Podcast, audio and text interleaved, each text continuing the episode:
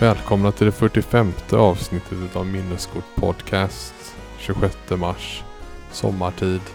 Mm. Ljust ute men vi vaknar eh, av snö på taken ändå. Ja, det är väldigt passande. Jag sommartid och så såg jag snöflingorna. Mm. Sverige, trademark. Eh, och det är som vanligt Dan och Theo här. Och eh, mm, 45 är vi på. 44 avsnittet. Vårt hittills längsta avsnitt. Mm. Tror inte avsnittet idag blir lika långt. Återstår att se. Men eh, ja, jag hade faktiskt tänkt att eh, fortsätta med det avsnittet. Eh, vad ska man säga? Ja, det blir så. Eh, vi pratade på länge där om internet. Och hur vi har förhållit oss till det sen det kom och vad vi har gjort och så vidare. Men det är väl ett, ett av de största samtalsämnen man kan välja ungefär. Ja. Inom det som berör vår Numera podcast i alla fall. ungefär- Numera är det ungefär som att säga världen. Ja, precis. Vida världen. Ja, Eh, som våran geografibok hette. just det. Som jag fortfarande, all min eh, kunskap om hur många invånare Europas länder har, det är alltid så här. Ja, alltså i vida världen stod det att Storbritannien hade 58 miljoner. så Så det är fortfarande, så vi liksom, delar den idag. ja, 20 det- år senare. Eh, Ja, det, de böckerna var ju dessutom eh, rätt gamla tror jag. Så Ja. att det, de var från ni- 91 eller någonting. Så Mm. jag, jag har hela tiden... eh, Ja. Men jo, det är såklart, det blev vårt hittills längsta avsnitt då. Men jag hann inte med allt. Och det har väl varit lite så reaktioner efteråt kanske. Du glömde det här och det här och det här. Men samtidigt så gjorde jag inte allt heller under de här, ska man säga, två första decennierna i alla fall med internet. nej, Eh, och, ehm, men något eh, man kan ta upp då om jag ska liksom lägga kommentarer på det som har sagts. För vi pratade ju om eh, allt möjligt. Det började där med eh, min första introduktion till ordet internet. Mm. Och jag, jag trodde det var att surfa på nätet faktiskt var att man surfade på ett nät. Har haft en sån annan rolig lyssnarhistoria Mm. med eh, någon som kom från ett mindre samhälle i Värmland Mm. där eh, bredband skulle komma till civilisationen och ingen visste vad bredband var. Lika lite som jag visste vad internet var som eh, var lågstadieelev Ja, på 90-talet. Så det var någon slags town hall meeting i Folkets hus ja. där eh, frågan då kommer upp. Hur eh, brett är bandet? Så, eh, jag, eh, jag bara ser framför mig nu också, du vet så här The Simpsons eller Exakt. någonting. Ungefär som när de ska få typ monorail till stan eller någonting. ja, Alla bara, vad, vad är det som ska hända? ja, Ja, nej men ehm, frågor där kanske om, eh, du nämnde du vet, Lunarstorm och bilddagboken och bla bla bla. mm. Vad hände med helgon? Eller då Ja. helgonnet, alltså du vet Ja, helgon.net. Eh, Det- nej, det, var ju, det fanns ju med, men jag eh, använde mig inte utav det. Nej, det blir Eh. ju ur vår lins liksom. Vi, man Ja. kommer inte ha varit på alla På, sam, forum. på liksom. samma sätt som att jag inte använde mig utav snyggast. Om det var typ punkt .nu eller någonting. ja. Men det var väl främst mot tjejer. Men det är ju verkligen en så föregångare till Tinder-samhället. För det, Mm. handlade, det var ju bara att man la upp bilder på sig själv. Och så kunde man hamna på någon slags billboard med tumme upp och ner liksom. Vem som hade snyggast bild tagen på sig själv. Väldigt ytligt. Eh, ja. Däremot kanske något mer skoj som jag glömde nämna i hela den här eh, svängen med eh, hur, eh, hur alltså eh, internet kunde hjälpa en att bli duktigare på, vad ska man säga, eh, sak, egenskaper och saker som värderades i skola och senare i arbetsliv. Mm. Eh, någonstans där i början på 20-talet så var jag ju inom, jag pratade där om metalforumen och sådär där man skrev. Men Ja. det, det, det var ju också, man var ju med i metal-demoband. Och man skulle ju såklart ha en hemsida. Mm. Så eh, då, eh, ja redan innan dess så hade jag provat på domänet cjb.net. Mhm. Men så småningom kom ju även då .tk vilket man tyckte var ganska cleant att ha sitt bandnamn Mm. eh, .tk. Och För, det, det var det. och, det, och då, vad sa du? För vad var det då? Eller? Nej det var ju det var ett gratis liksom Ah, domän. Ja. Så eh, det hjälpte en. Alltså som bekant är jag ju systemutvecklare och jobbat massa med webb och sånt. Så visst, det, där lärde man ju sig ditten och datten om hur man fick upp sin hemsida. Och Mm. eh, kunde använda free webs till exempel. Som var då gratis host. Kunde Mm. man få templates och sådär. Så att ja. Ja. Ja, så det är väl värt att nämna i alla fall. Eh, det blir väldigt så här. Det här borde sagts i förra avsnittet. Så sorry, Ja. men jag nämnde det nu som någon slags housekeeping här då. Ja. Och ehm, mm, det, det är väl det om det som jag ville lägga till bara. Ja, jag försökte komma på om vi kom in något på det där med eh, Nej, jag bara kom att tänka på att så här, häromdagen på, på jobbet så eh, länkade någon en eh, cover med, med text till, ett, till Chocobo Theme tror jag det var. Mm, Och så tänkte jag så här, "Uff, det här låter ju hemskt liksom. Och så sa jag, den enda cover med text eh, som är okej, det är den här. Och så är det någon sån här gammal, så här 15 år gammal, eh, minst säkert 20 år gammal video från Newgrounds då. mm, Som är så här, det var väl mot, alltså det är ju att betrakta ungefär som en meme nästan, en sån Ja. låt från den tiden. Och ja, vi täckte kanske inte in allt vad tidiga memes hette. Men eh, jag var nog inte så jätte med på det tåget då. Mm. Jag kan känna igen några grejer nu. Men Ja. i och för sig så, ja det är klart, jag, där runt 2006 eller 5, nej 6 så var det väl de här ansiktsburk och sådana. Det var ju det. rätt tidiga svenska memes. vad sa du att nu hade, när hade du sett dem? Jag såg den 2006 men det var ja, kanske ganska de var sent. my- mycket tidigare än så. Ja. Det var, Det var nog bara att min bror upptäckte dem då. Ehm, ja okej. Den Ja, de är de- Första, första gången jag såg dem publicerade var på domänet apelsin.nu. Ja, Och det var väl strax efter 2000 tror jag. ja, nej men eh, de eh, ja, var ju rätt fjantiga såklart. Men Ja. lite roliga. Eh, så ja, avsluta med att såklart när väl ett demoband och skaffade en .se-domän så var det bara wow. de tar det seriöst nu. Ja, Vilket är liksom vem som helst kan göra det nu för tiden. Men det kändes mer exklusivt då. just det. Hur... Nej, nu bara jag så här random associerade. Men den, den eh, redak redaktionsmedlem som aldrig varit med i podden. Mm. ehm, han lyckades väl på något sätt claima domännamnet Playstation3.se eller någonting Ja. tidigt. Ja. V- Alltså hur... Jag fattade aldrig hur det ens gick till eller så här, Det borde han väl inte ha kunnat så att säga komma undan med. Jag tror Playstation streck 3 kanske. Ja, okej. Men eh, ja, om vi får tag i honom någon dag får han gärna berätta om det. Men det blev ju något, jag tror det blev något samarbete sen. Ja, Eh, ja, det är inte så lätt att få tag på den personen. nej. Han lever på en annan kontinent till och med. Ja, Men eh, annars så, jag är in the loop med serier. Jag tänker inte göra några utlåtanden eftersom de är fortfarande igång. Men jag har sett första säsongen av Last of Us och eh, nu är jag även igång med säsong tre av Mandalorian. mm. Så jag, eh, ja, jag tar del utav eh, underhållning hela livet. Inte bara ekorrhjul i alla fall. Nej, eh, jag kör någon sorts, eh, vi pratar ju ibland om konsolgenerationer, att om man kan tänka sig att vara lite fördröjd så eh, får man bättre värde på det.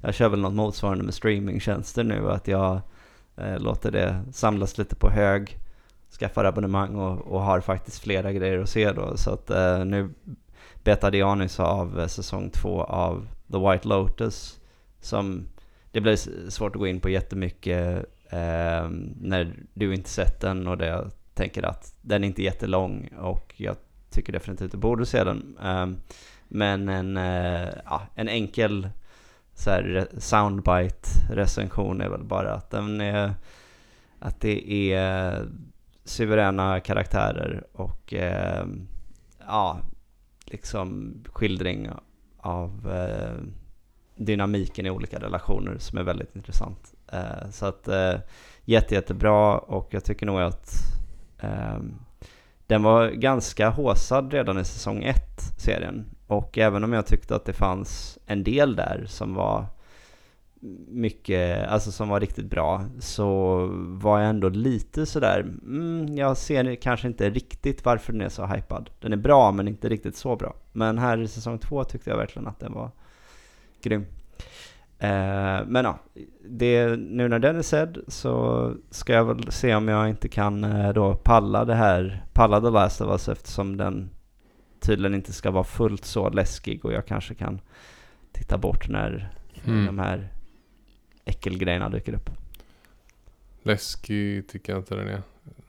Nej. Jag hade någon bra så här referens typ på, vad ska man säga? Som, ja, att jämföra med. Med den. Eh, nej men den är väl liksom eh, på jämn nivå så sett med Game of Thrones. Alltså med våld kan man säga. Mm. Det är bara att det jag här, det här blir ju mycket mer, Game of Thrones är mycket mer storskaligt våld om man säger så. mm. Stora slag och så vidare. Ja. Här blir det mer eh, mindre fighter mellan olika individer typ. Ja. ja, men jag menar, ja, det går ju att titta bort under det värsta och sådär. Men jag, vissa gånger har man ju sett saker på film där det har hänt så plötsligt att man inte har hunnit titta bort. Jag vet inte om du har sett filmen Drive? Jo, Ja, och vid det här laget så kan jag tycka att den är tillräckligt gammal för att då kunna spoila att i en specifik scen i alla fall så blir det plötsligt extremt våldsamt eh, Ja. där någon i princip får, jag vill minnas, får sitt huvud insparkat eller någonting rätt, eh, eller om det nu är inslaget eller så. Det, det kommer plötsligt eh, och ser helt brutalt ut. Ehm, då blev jag lite så ställd, jag hann ju inte ens titta bort liksom. ja okej. Eh, Men det, jag överlevde ju det, så att... eh, Ja, klart att det är lite äckelheter och sånt där i och med att de är ganska äckliga.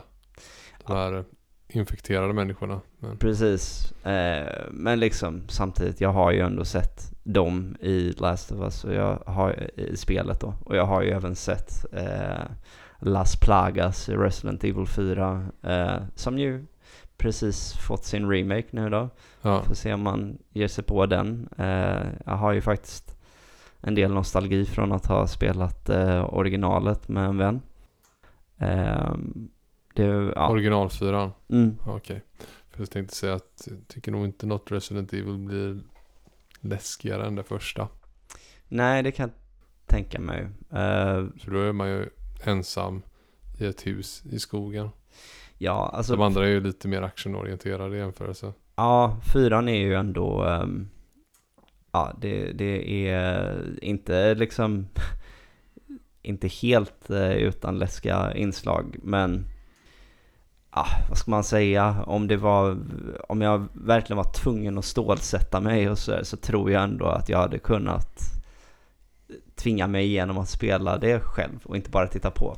Mm. Eh, för så pass, eh, framförallt tror jag för att fyran ju var det första som gav dig ganska mycket ammo.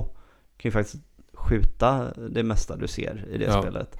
I, en del av skräcken eh, i genren från början och det som väl många invände mot som var gamla fans av Resident Evil är att genren kallas ju survival horror.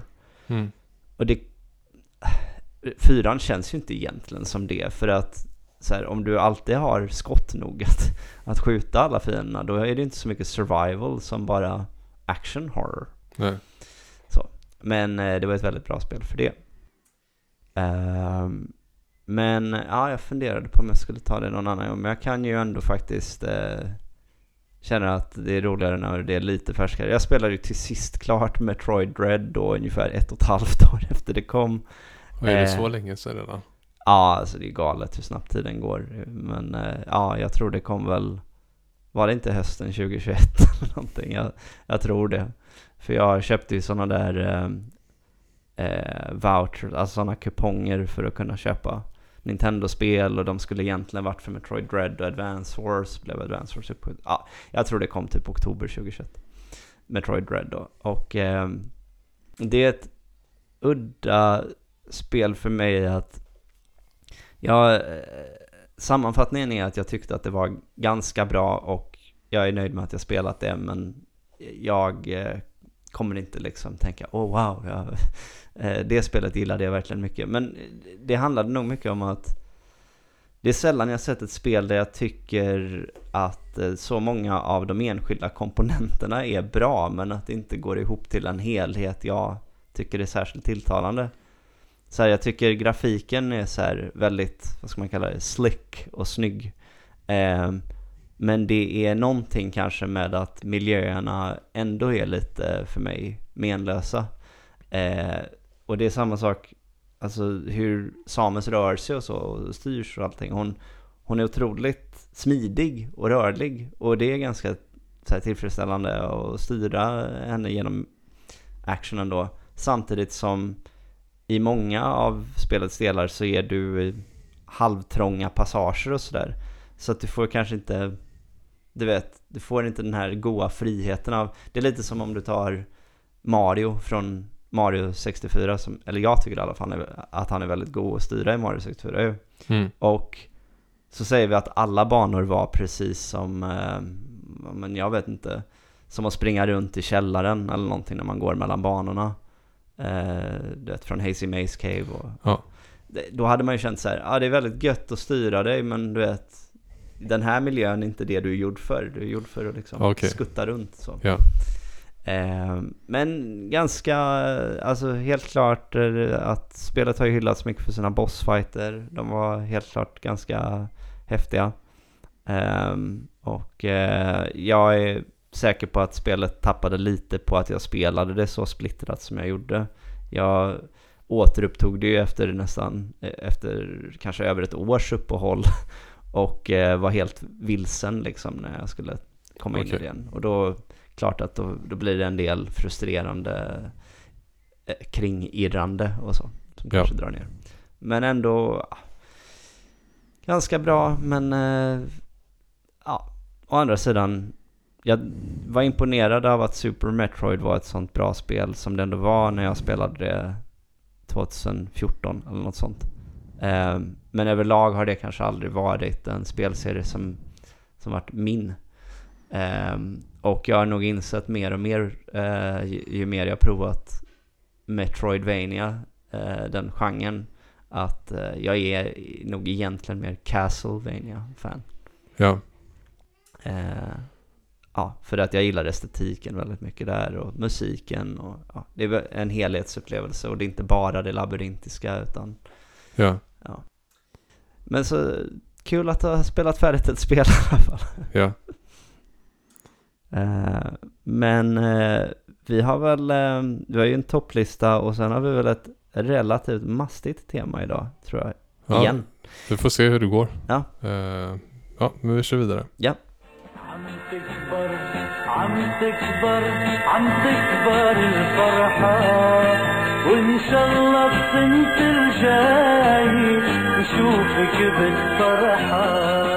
då rullar vi vidare med våran förtjusande topplista för soundtracks. Och eh, vi är ju redan inne på fjärdeplatsen. Den här gången så börjar jag. Och ehm, ja, just det. Då ska man ju alltid recappa innan. Ska yes. se om jag har det i, i huvudet här nu. Det kanske jag faktiskt inte har helt och hållet. Jag tror det, det började med eh, Sonic Adventure då. Eh, som var på tionde plats. Och där hittade vi ett tema som heter eh, Ska jag se, jag tappade faktiskt det just nu. Eh, Det heter uh, Azure Blue World for Emerald Coast. Jag är lite uh, tankspridd just nu. Men så heter det. Och det kom då till Sonic Adventure 99 till eh, Dreamcast. Sen hade vi The Wilderness från eh, Diablo 2 som kom från år 2000. Athletic Theme till eh, Yoshi's Island till Super Nintendo 1995. Sen Stage 3 till uh, Blue Shadow eller Shadow of the Ninja till uh, NES då som kom 91 i Sverige. Och sen hade vi Targets till uh, Super Smash Brothers uh, Melee som kom 20 102 till GameCube. Och nu senast så hade jag Terran One som kom till spelet Starcraft. Som i sin tur släpptes till eh, PC 1998. Och med PC så menar jag Personal Computer, alltså både Windows och Mac. Ja, Ja, ett av spelen som faktiskt gick att spela till Mac då. ja väldigt eh, samtidigt ungefär. Mm. Har jag för mig att det var. Jag spelade det till... Jag vet att min... eh, Det var käckt att både min... eh, Alltså den skivan jag hade till det kunde man installera till både, båda två. Aha. Smidigt. Ja. Och då finns det ändå liksom, jag har mina boxar här till eh, spelet stående så här. Mm. Eh, för de köpte jag senare. Det första fick jag ju bränt. Men sen har jag köpt också då med eh, Brood War expansionen. Och där står det tydligt att det är Power Macintosh på. Eh, sen vet jag inte om eh, det hade jag kunnat gå och titta nu innan om den, de även funkar på PC. Men Mm. som vi säger om Det- alltså Windows. Men Ja, det slog mig, kan jag ju flika in bara snabbt, att vi eh, nämner väl releasedatumen eh, för Europa i regel. Vilket ju är Ja, rimligt, vi främst. bor ju i ja, Sverige. Så att, alltså motsvarande PAL eller om då det ja. är Windows. Så där var det ju oftast eh, världsvida releases om man säger så. Mm. Eh, men då är vi framme på fjärde plats. Och eh, det är inte bara fjärde plats utan nu ska jag även dra av en av de här eh, spelserierna. Mm. Som jag tror att många kan tänka sig skulle dyka upp på någon av våra listor. Kanske till och med bådas. Men jag tror att de flesta lyssnare som känner oss nu förväntar sig att den här spelserien lär dyka upp. För det har nämligen blivit dags för Astral Observatory från eh, The Legend of Zelda Majora's Mask från år 2000.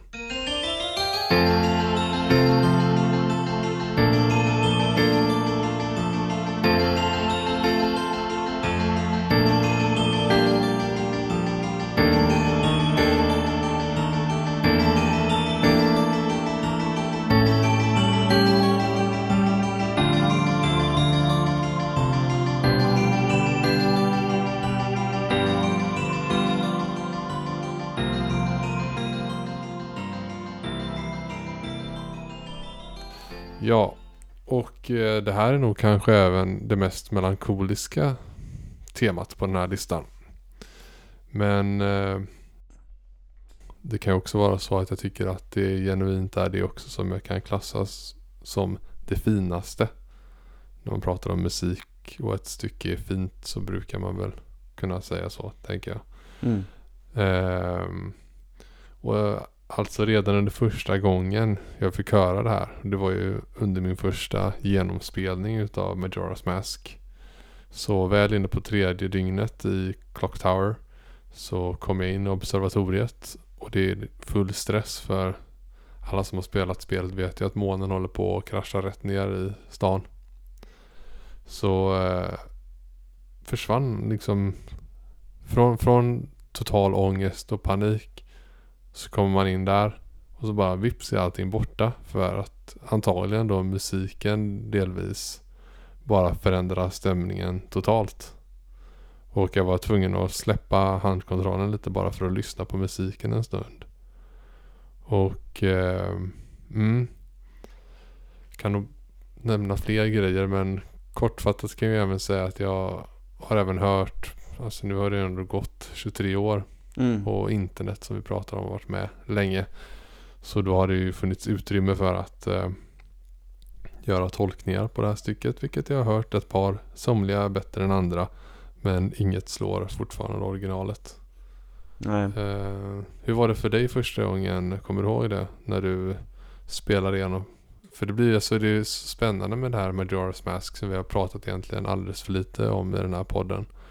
Eh, hur, ehm, hur man spelar egentligen hela spelet väldigt snabbt. I och med Mm. att man måste pressa sig hela vägen fram till slutet på sista dygnet. Ja. Eh, så kommer du ihåg det? Ja, alltså, jag menar, jag minns ju att jag, just det med, med tidsloopen och så var väl lite av en vattendelare och så. Och jag minns att jag tyckte det kunde vara ganska frustrerande, även om det gav en viss, eh, som du är inne på, det gav ju samtidigt den här lite stressen och ångesten, alltså de, eh, som man ska känna förstås, utifrån hur spelets stämning och, och ton är. Eh, men jag har också något minne av, alltså jag kan ju, eh, jag, jag kan ju spoila så här mycket som att det här temat är inte med på min lista. Jag tar ju bara bort ett av eh, så otroligt många det skulle kunna vara på min lista. Ehm, men det är däremot, eh, det är ju fantastiskt tycker jag, det här temat. Det är en, och jag har liksom ett sånt minne av att när man kom in i observatoriet så påminner det lite om när man kom in i, i väderkvarnen i Ocarina of Time i det här att vad är det här för random ställe jag gått in i som liksom känns som att tiden står still i på något sätt. Mm. Och där det av någon anledning slängts in sjukt bra musik. Ja. För, eh, men, men där det temat var liksom, hade den här liksom loopande hetsigheten så är det här istället väldigt så svävande och drömskt liksom. Och eh, får en att känna lite att det hade varit roligt att få vara i den världen medan den inte var trasig. Ja. Eh, så att nej, det, det, är ett väldigt bra val tycker jag. Mm. Så eh, därmed också konstaterat att eh, ja, Zelda-serien är plockad för min del nu. Ja. Det menar jag ju då att många kunde förutse. Ja. Men eh, kanske en överraskning med det här temat. Jag tror att många tänker ju sig en hel del andra innan det här dyker upp. Ja, alltså det är väl eh, lite som jag var inne på um, förra avsnittet med uh, Bloody Tears. Att många skulle kanske tänka Vampire Killer före Bloody Tears och du vet. Eller så kanske de tänker något annat så här. De är Symphony of the Night-fantaster och så tänker de Dracula's Castle. Eller något. Mm. Alltså du vet, listan kan göras jättelång. Samma grej blir det väldigt lätt i Zelda. Alltså, du kan ju, du kan ju plocka så otroligt många. Mm. Eh, många låtar från den här serien. Jag, jag, ska inte, jag ska inte gå igenom allt för många nu, men liksom eh, det spelar ingen roll vad du vill ha heller. Eh, det, så är det, alltså om du vill ha ösigt eller om du vill ha fint eller eh, episkt. finns ju verkligen allt. Och jag tycker samtidigt att det här är ett, ett roligt val för att det går, går ganska hårt på, på spåret som du var inne på, fint liksom. Ja. Um, ja, och uh, nej det, jag vet inte, det hade varit intressant. Vi, vi kanske inte alltid uh, bombarderas med kommentarer på Instagram och sånt, men det hade varit roligt, roligt att se vilka lyssnarna höll som favoritteman från just den här serien. Eh, ja. För Zelda väcker alltid känslor känns det som. Folk är alltid välkomna att uh, släppa sina listor till mm. oss när de vill. Men faktum är att jag, jag, jag, jag kommer uppmuntra till det tror jag mer framöver. Men inte riktigt än. Så mycket kan jag säga. Mm. Uh, så ja. Innan vi går över till dig så tänkte jag bara säga Dels är det en helikopter som håller på att cirkulera här mycket utanför. Jag vet inte hur mycket den låter. Förhoppningsvis så fångas det inte upp på micken.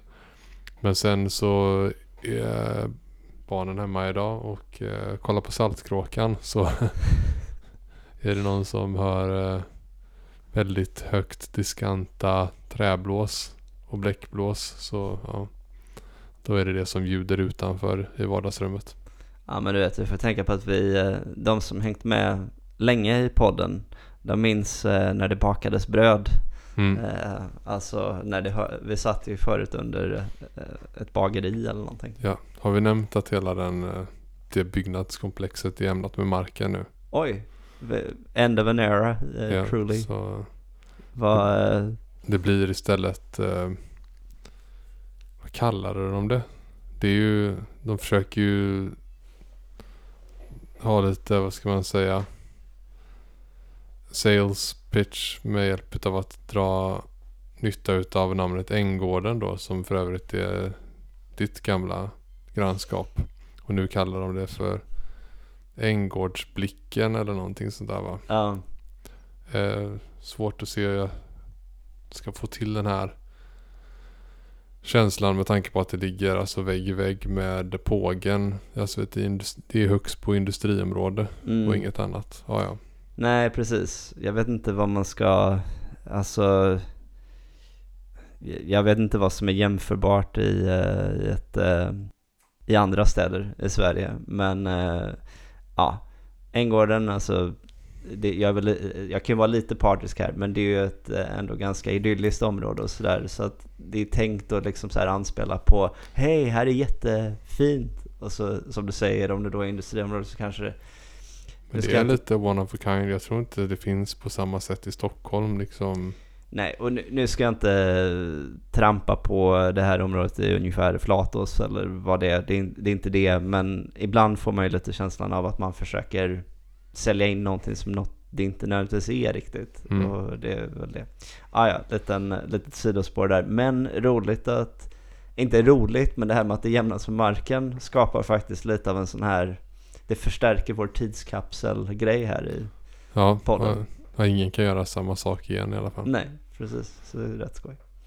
Så, ja. Mitt stycke, alltså melankoliskt stycke. Eh, nödvändigtvis inte kallat ballad. Men eh, ändå de trakterna. Man ska använda något svengelskt uttryck. Nej, jag vet inte riktigt. Det här känns ju... Det blir på något, nej, nej. Jag hade ett i huvudet men nu har jag tänkt efter så känns inte det rätt heller så jag skippar faktiskt det. Mm. Men det är ju lite så här, alltså, jag håller med om, att man kan, om att man kan tänka en del åt balladhållet, men det är också så här lite klassiskt hållet med en del Mm. av de här, vad ska man kalla det? Är, är det en, alltså det är ju inte instrument på det sättet, men är det att det låter ungefär som en cembalo i bakgrunden? Eller Ja, någonting? jo men det gör det ju. ja. Det är ju väldigt eh, fint tycker jag. Mm. Det där. Men eh, då är frågan, för nu om man tittar på min listas helhet hittills så var det ju, ja, det bidrog väl på något sätt till spretigheten. Men å andra sidan din lista har varit lite mer uniform. För när du räknar upp dina eh, tidigare titlar så, Det är ös, ös, ös. så det blir spännande att se hur mycket, ja, vi får hur mycket du håller den tråden och Ja. Precis, vi går igenom snabbt här då vad jag haft tidigare. Det är ju den här uh, Another Winter från Scott Pilgrim vs. The World The Game från 2010, var på tionde plats. Sen var det Magical Sound Shower från Outrun, arkadspelet där 1988. Frontline Base från UN Squadron 1992. Uh, eh, The Moon från DuckTales 1990, det är till Nintendo 8-bit. Ken's Theme från Street Fighter 2 till SNES 1992. Och sen Bloody Tears då från Nintendo 8-bit-spelet Castlevania 2, Simons Quest 1990. Och då är man framme vid, eh, vid fjärdeplatsen här då. Och jag sa det här precis off mic innan att det är nu vi verkligen börjar komma till platserna där eh, alla är alla är på en extra, extra hög nivå. Att de är, de är så bra så att det är jobbigt att säga att det här inte är etta. Eller det här är inte etta. För att Mm. om du lyssnar på, beroende på vilket humör eller vilken dag, så skulle du nästan kunna säga om allihopa, "Ja, men hur, hur slår man det här? Det är så jäkla bra. Eh, och du, jag vet inte om du är fullt ut där med Astral Observatory, men när jag kollar på min topp 4 här så känner jag så. Och med det i åtanke så kan jag ju avslöja att eh, det är dags för en väldigt stor spelserie även för mig. Och faktiskt att jag bryter den här trenden då som jag haft med ÖS. Eh, för Så ehm, kan man kalla det ett litet eh, eh, paus, depåstopp liksom. Hämta andan inför det, topp tre. det, det kan man säga, det, det kan hända att det blir lite så ja. Eh, för det jag har valt är Ares Theme från Final Fantasy 7.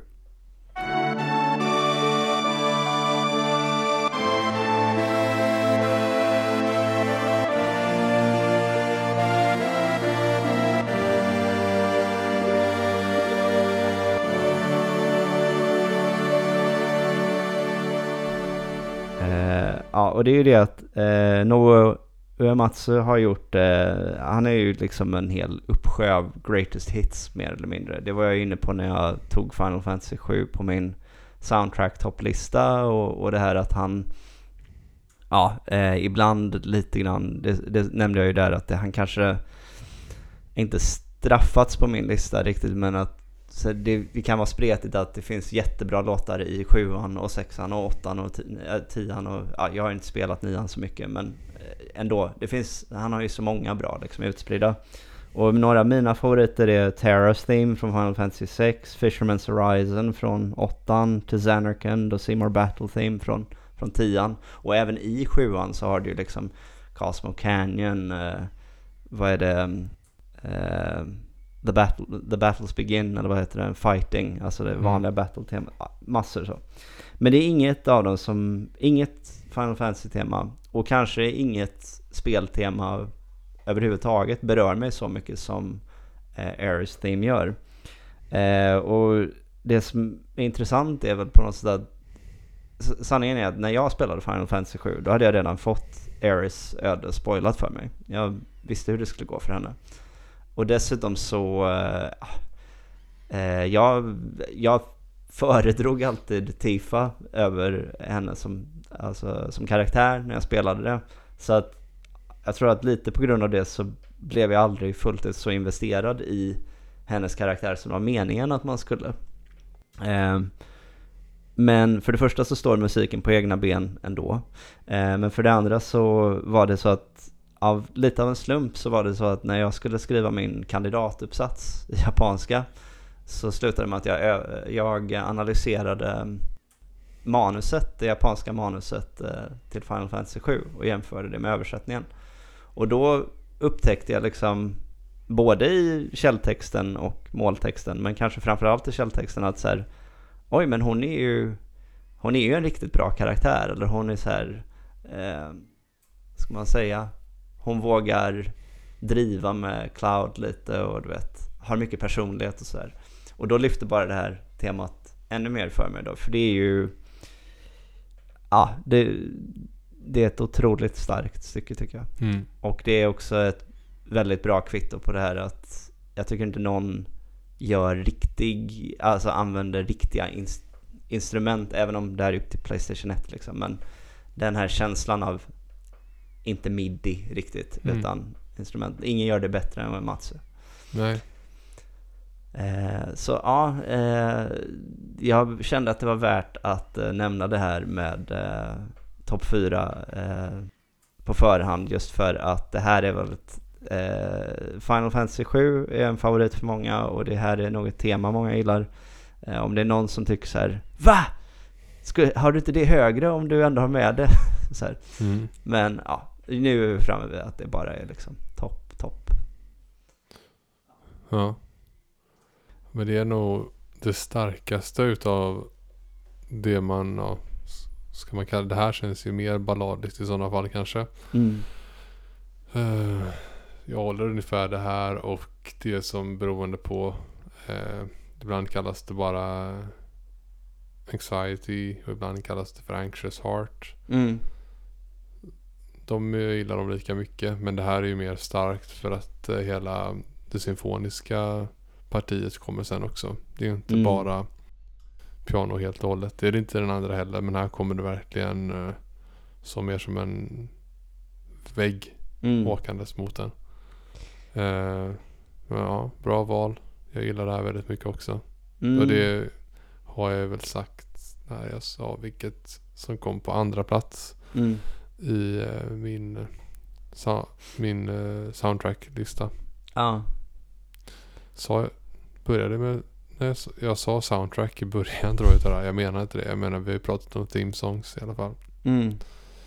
Den här delen som kommer på, på slutet innan den loopar om när liksom allt här, tar bort det här med pianot och det bara är, vad, vad kallar man ens den här eh, Ja du vet mm. Alltså när den, det är bara ett instrument som hörs. Ja. Vad är det för Ja, hur som helst, det låter mm. så ensligt liksom. Mm. Och det gör det så vackert tycker jag. Det ska ju vara någon artificiell version utav något riktigt instrument men det blir nästan sitt egna. Det Ja. låter ju inte väldigt naturtrogen något annat om man säger så. Nej, precis. Det är väl det som är häftigt. Att eh, FF7 då har väldigt eget sound. Ja, nej exakt men det är liksom, eh, det är ju, ehm, nej alltså för det är ju det att det är ett jättemelankoliskt tema eh, helt oavsett men eh, när man då lägger in det i eh, ja, sammanhanget så. Mm. Ja men häftigt att vi båda fick eh, synkat med varsina lugna stycken då. Mm. På samma plats. Och betade av varsin eh, Hall of Famer.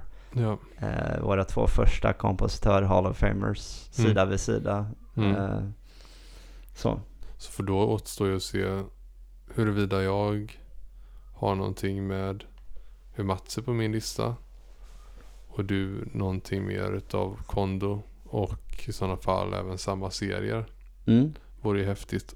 Och eh, då får vi se om de eh, liknar varandra där. Mm. Om det skulle bli så. Men nu var det ju. Det kan vi ju säga att både du och jag tog stycken ifrån favoritsoundtracks blev det här också. Ja. Du har haft eh, väldigt eh, övervägande del hittills utav One It Wonders kan man säga. ja, precis. Och det har ju... Jag ska, nej, det har inte varit eh, en medveten grej. Eh, men det har varit en rolig grej. För det har ju öppnat upp för att eh, lyfta fram lite fler grejer. Det är alltid roligt när man får tillfälle att prata om fler supergrejer från historien. Mm. Men eh, det är klart, man kommer inte ifrån ibland att de bästa soundtracksen lär ju också ha några av de bästa låtarna. Definitivt. Och eh, med det sagt så för er som eh, vill ha ännu mer listor så eh, kan jag ju glädjande säga att det är just vad det här avsnittet kommer att handla om resten av tiden.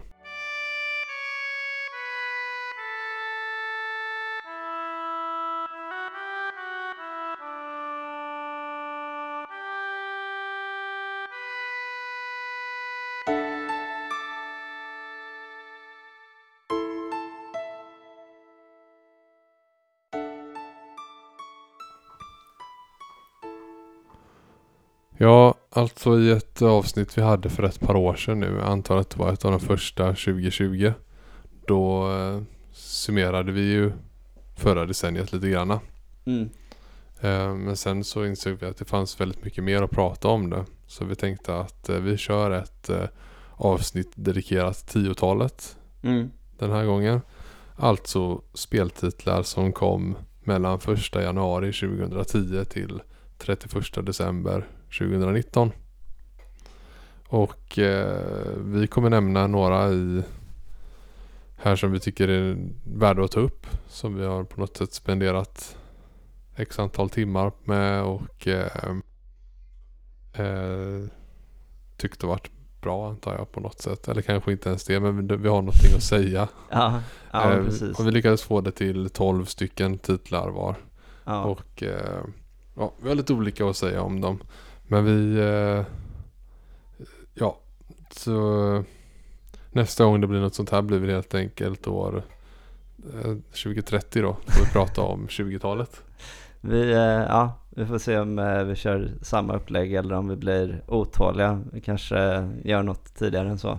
Ja, Perfect Dark utspelar ju sig 2027 så då kan vi ju kanske säga att vi är framme vid framtiden och ja summerar det som hänt. Ah, det är sant. Ehm, ja, jag kan börja dra iväg med den första då. Så det blir ju på något sätt en, sätt en rangordning här. Mm, Och ni kommer ju vara medvetna om, eller redan är medvetna om när ni har lyssnat på våra favorittopplistor av spel också. Att somliga utav dem är ju faktiskt från 10-talet. mm, Så eh, det blir väl eh, mindre överraskningar och större överraskningar och så vidare. mm. Eh, Så om ni tycker att vi inte går in så mycket på vissa utav dem så får vi väl hänvisa till att de pratas om någon annan gång. Ja, exakt. Ni kommer säkert fatta vilka det är för respektive person. Ja. Men jag kan börja då på tolfte plats för mig. Är eh, spel som heter Arma 3. Som kom 2013. Och eh, varför jag spelade det här spelet var väl av lite olika skäl. Men det grundar sig väl i att typ 2012 då fanns ju tvåan då ute. Och där gjordes modden Daisy då. Som Ah. jag blev väldigt intresserad av.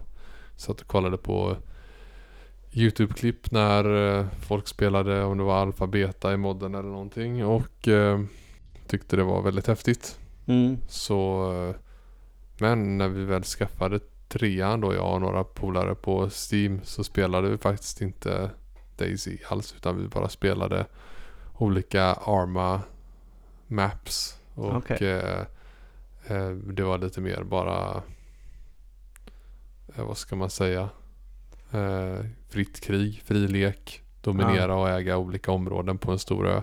Sen tror jag att det första eh, sånt här Battle Royale-grejen kom dit också. Ja, för jag tänkte just Så på det. då körde vi lite det. Men ja, Jag eh, följde aldrig riktigt, eller jag är mer bekant med, med Daisy än Mm. Arma. Ehm, även om jag inte spelade det, det förra. Men det slog mig liksom att ja, men det var väl lite föregångaren till Battle Royale. eh, Battle Mm. Royale-genren. Mm. Alltså att eh, det var visserligen inte det här hundra som fallskärmar ner på en ö och hela den biten och en vinnare. Men det fanns väl det här liksom Ja, sandlådeaktiga. ja men och- så var det. Man började uppe i skyn. Och så åkte man fan- fallskärm ner. Men fanns det inte någon sån här, något läge då det aldrig tog slut typ?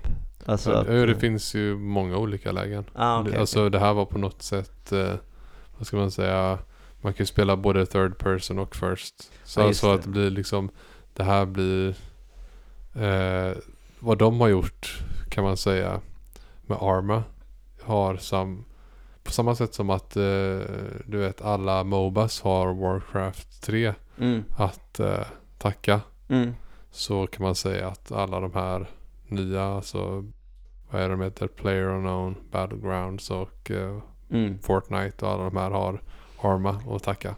Ja. Det bästa numera är ju att det heter PubG Battlegrounds. Ja, Player Unknowns Battlegrounds Battlegrounds. fantastiskt. Ja. faktiskt. Ännu bättre än ATM Machine alltså. Ja. Men eh, ja, det här hade säkert kunnat komma högre på listan men jag spelar inte det så mycket. Det är Nej. därför. Det, Eh, jag, jag har glömt av ens, jag har nästan glömt av varenda spelminne från det. det är lite som en recension från den gamla tidningen helt enkelt. Det kunde fått bättre. Det kunde fått bättre ja. Eh, så vad hittar vi på tolfte plats för dig då? Ja, där är det eh, slutet på en eh, omtyckt spelserie, nämligen Uncharted 4. Eh, jag har nog inte kommit in så jättemycket på att prata om uh, Uncharted-spelen i den här podden. Eh, inget alls nästan. och det var nästan en av grejerna som fick mig att vilja göra en sån här lista alls. Alltså bara att få, få nämna att det här är ju eh, underbara matinéäventyr och alla som någonsin liksom fastnat för Indiana Jones till exempel Mm. måste ju bara spela de här för att eh, Nathan Drake är ju som en, eh, ja, rakt av som en modern indie. Mm. Eh, med ja, väldigt, det är väldigt härligt manus, alltid roliga äventyr. Spelmekaniken är ofta kanske inte liksom fantastisk, men alltså du vet skjutsekvenserna och så, men de är underhållande nog och pusslen som dyker upp också. Det är, också, eh, det är ganska bra grejer och överlag så är det det här att det är en helhetsupplevelse liksom. Det är otroligt vackert alltid och eh, bra story, ganska kul spelinslag.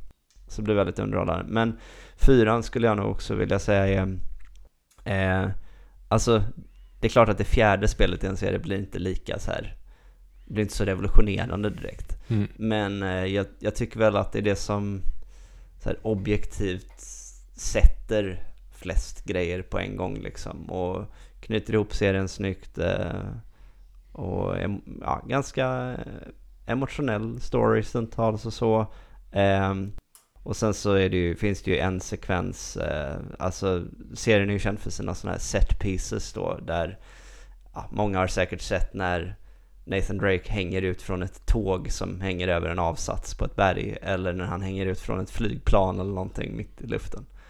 Eh, men den här har en sekvens i eh, någon mindre, man är, jag kommer inte ihåg faktiskt vilket land man är, man är, man är i någon by eller mindre stad och går först i en folkmassa och så, ja, så småningom så blir det till en biljakt som sen övergår i, ja det är flera olika inslag efter varandra och allting är, det är helt mästerligt hopvävt verkligen. Hur, hur, hur inne i det man känner sig. Alltså det, det är väldigt mycket som, har du någonsin velat delta i en actionfilm själv? Här har du liksom, den sekvensen i, i fyran är Mhm. verkligen så. Nej, så att eh, om... Eh, ja, det, det står sig ändå någorlunda utan att... Jag, jag skulle säga att man absolut hade kunnat kolla en snabb recap av ettan till trean och hoppa på fyran och spela det om man nu ville det. Det är klart att... För många känner nog så här, åh, ska jag spela fyra spel? Bara för att få ut någonting av det. Mm. Eh, men ja, mycket bra spel. Mm. Jag kom faktiskt på att eh, jag hade 13 spel. Eh, Ah, Så okej. att det här kan bli en, innan jag går vidare på min elfte plats. Så det här kan lika gärna dela tolfte platsen. För det blev inte så länge. Det var väl... Eh, jag måste tänka. Kan det här, jag tror att det här var upphaussningen till att Fallout 4, alltså Fallout 4 Mm. skulle släppas. Så kom Fallout Shelter till eh, plattor och mobiler. Som ett litet eh, ja, så här idle management-spel. Mm. Det spelade jag en del. Det var ganska kul faktiskt. Mm. Men man märkte att det eh, gjorde, var gjort liksom för att göra reklam för, Ja. för Fallout som sig. Ja. Ehm, så ja. Det... I vanlig Bethesda-anda så var det ganska buggigt och sådär också. Jag gillar Men, att eh, det kan vara ett signum nästan. Ja. De gör spel hellre snabbt än bra ibland. Mm. Sen så inget illa egentligen sagt så. Alltså Fallout är jäkligt skoj också. Mm. Men eh, ja, de är hetsar lite för mycket ibland där tycker jag. Så det här var 2015 och jag spelade det när det kom. Om Mm. man säger så. För jag hade haft eh, min platta sedan 2014. En sån där Nexus 7 7 tum typ. Mm. Men på eh, elfte plats då. Ett spel som jag ungefär började spela någon gång då också. Som hade funnits ute sedan 2012. Och det är ju inte ett spel riktigt då. Utan det är ju det här Heyday. Det är ju också bara idle egentligen på samma sätt. Mm. Alltså, du har en lilla farm och bla bla bla. Odla och så vidare. ja. Jag vet att jag, jag, jag tror att det var lite att jag hade den här podden i åtanke. Att vi skulle göra den. Och jag visste att vi skulle prata om Harvest Moon någon gång kanske och sådär. Mm. Och bara så här, vad, vad ligger liksom saker som man kan dra. Jag hade aldrig spelat Farmville till exempel. För att jag aldrig haft Facebook på Nej. det sättet. Så jag var nyfiken på att se om de här verkligen bara är helt hjärn, hjärndöda klickgrejer och så vidare. Och ja, mer eller mindre. Jag tror att jag har nämnt Heyday tidigare kanske någon gång att det finns faktiskt om man vill ta lite achievements i det då så finns det saker som är lite skillbaserat. Typ att man ska skörda x antal utav eh, en och samma typ utav eh, crop. Mm. Men eh, under x antal sekunder. Mm. Typ du måste skörda, göra 100 veteskördar under en minut. Det betyder att du måste då dels ha fått upp så många bäddar och odlat samtidigt. Ja, de ska vara mogna samtidigt. Och sen får du vara snabb som satan då med fingret och skörda. Det kan man ju se som någon form av skill. Men jag, det var inte jättelänge. Vi hade nog av och till ett år. Och sen blev det, det som att jag kan tänka mig hur det slutar för de flesta som har den här typen utav beroendeframkallande spel då. Eller spel som hela tiden suger tillbaka en med att de, de skickar notiser och säger att nu är det här färdigt. Nu kommer du kunna bygga det här och så vidare. Mm. Till slut är man så här bara, rör mig inte. Ja. Bort, bort, bort, bort, bort. bort. Och, så, och så avinstallerar man det och så aldrig mer igen. ja, nej precis. Eh, man får nog någon sån här uh, wake up call nästan. Ja. Att så här, äh, ja, nu äcklas jag bara jag ser en. Ja. Ja. Så redan här kan man väl säga som jag sa då om Arma att det finns antagligen spel som är sämre men jag kan inte lira Arma så mycket. Mm. Så vad hittar vi då på elfte plats för dig? Ja, eh, då är det ett eh, spel som jag såg en vän spela först och jag inte fattade någonting av och nästan blev lite provocerad av. För jag Mm. förstod inte hur det gick ihop. Eh, men sen gav jag det en ordentlig chans själv eh, tillsammans med en annan vän för den delen. Baba is you. Just det. Och det pratade vi om tror jag när det var rätt nytt. Ja, För då fanns podden 2019. precis. Så det har jag nog eh, det har jag nog snackat om lite ja, Mm. redan. Men eh, jag eh, tyckte att det var eh, ett väldigt kreativt eh, upplägg och eh, stundtals eh, jättestimulerande pussel där man verkligen får eh, utmana sitt logiska tänkande och ofta tänka baklänges. Alltså du tittar på vad är målet jag måste nå?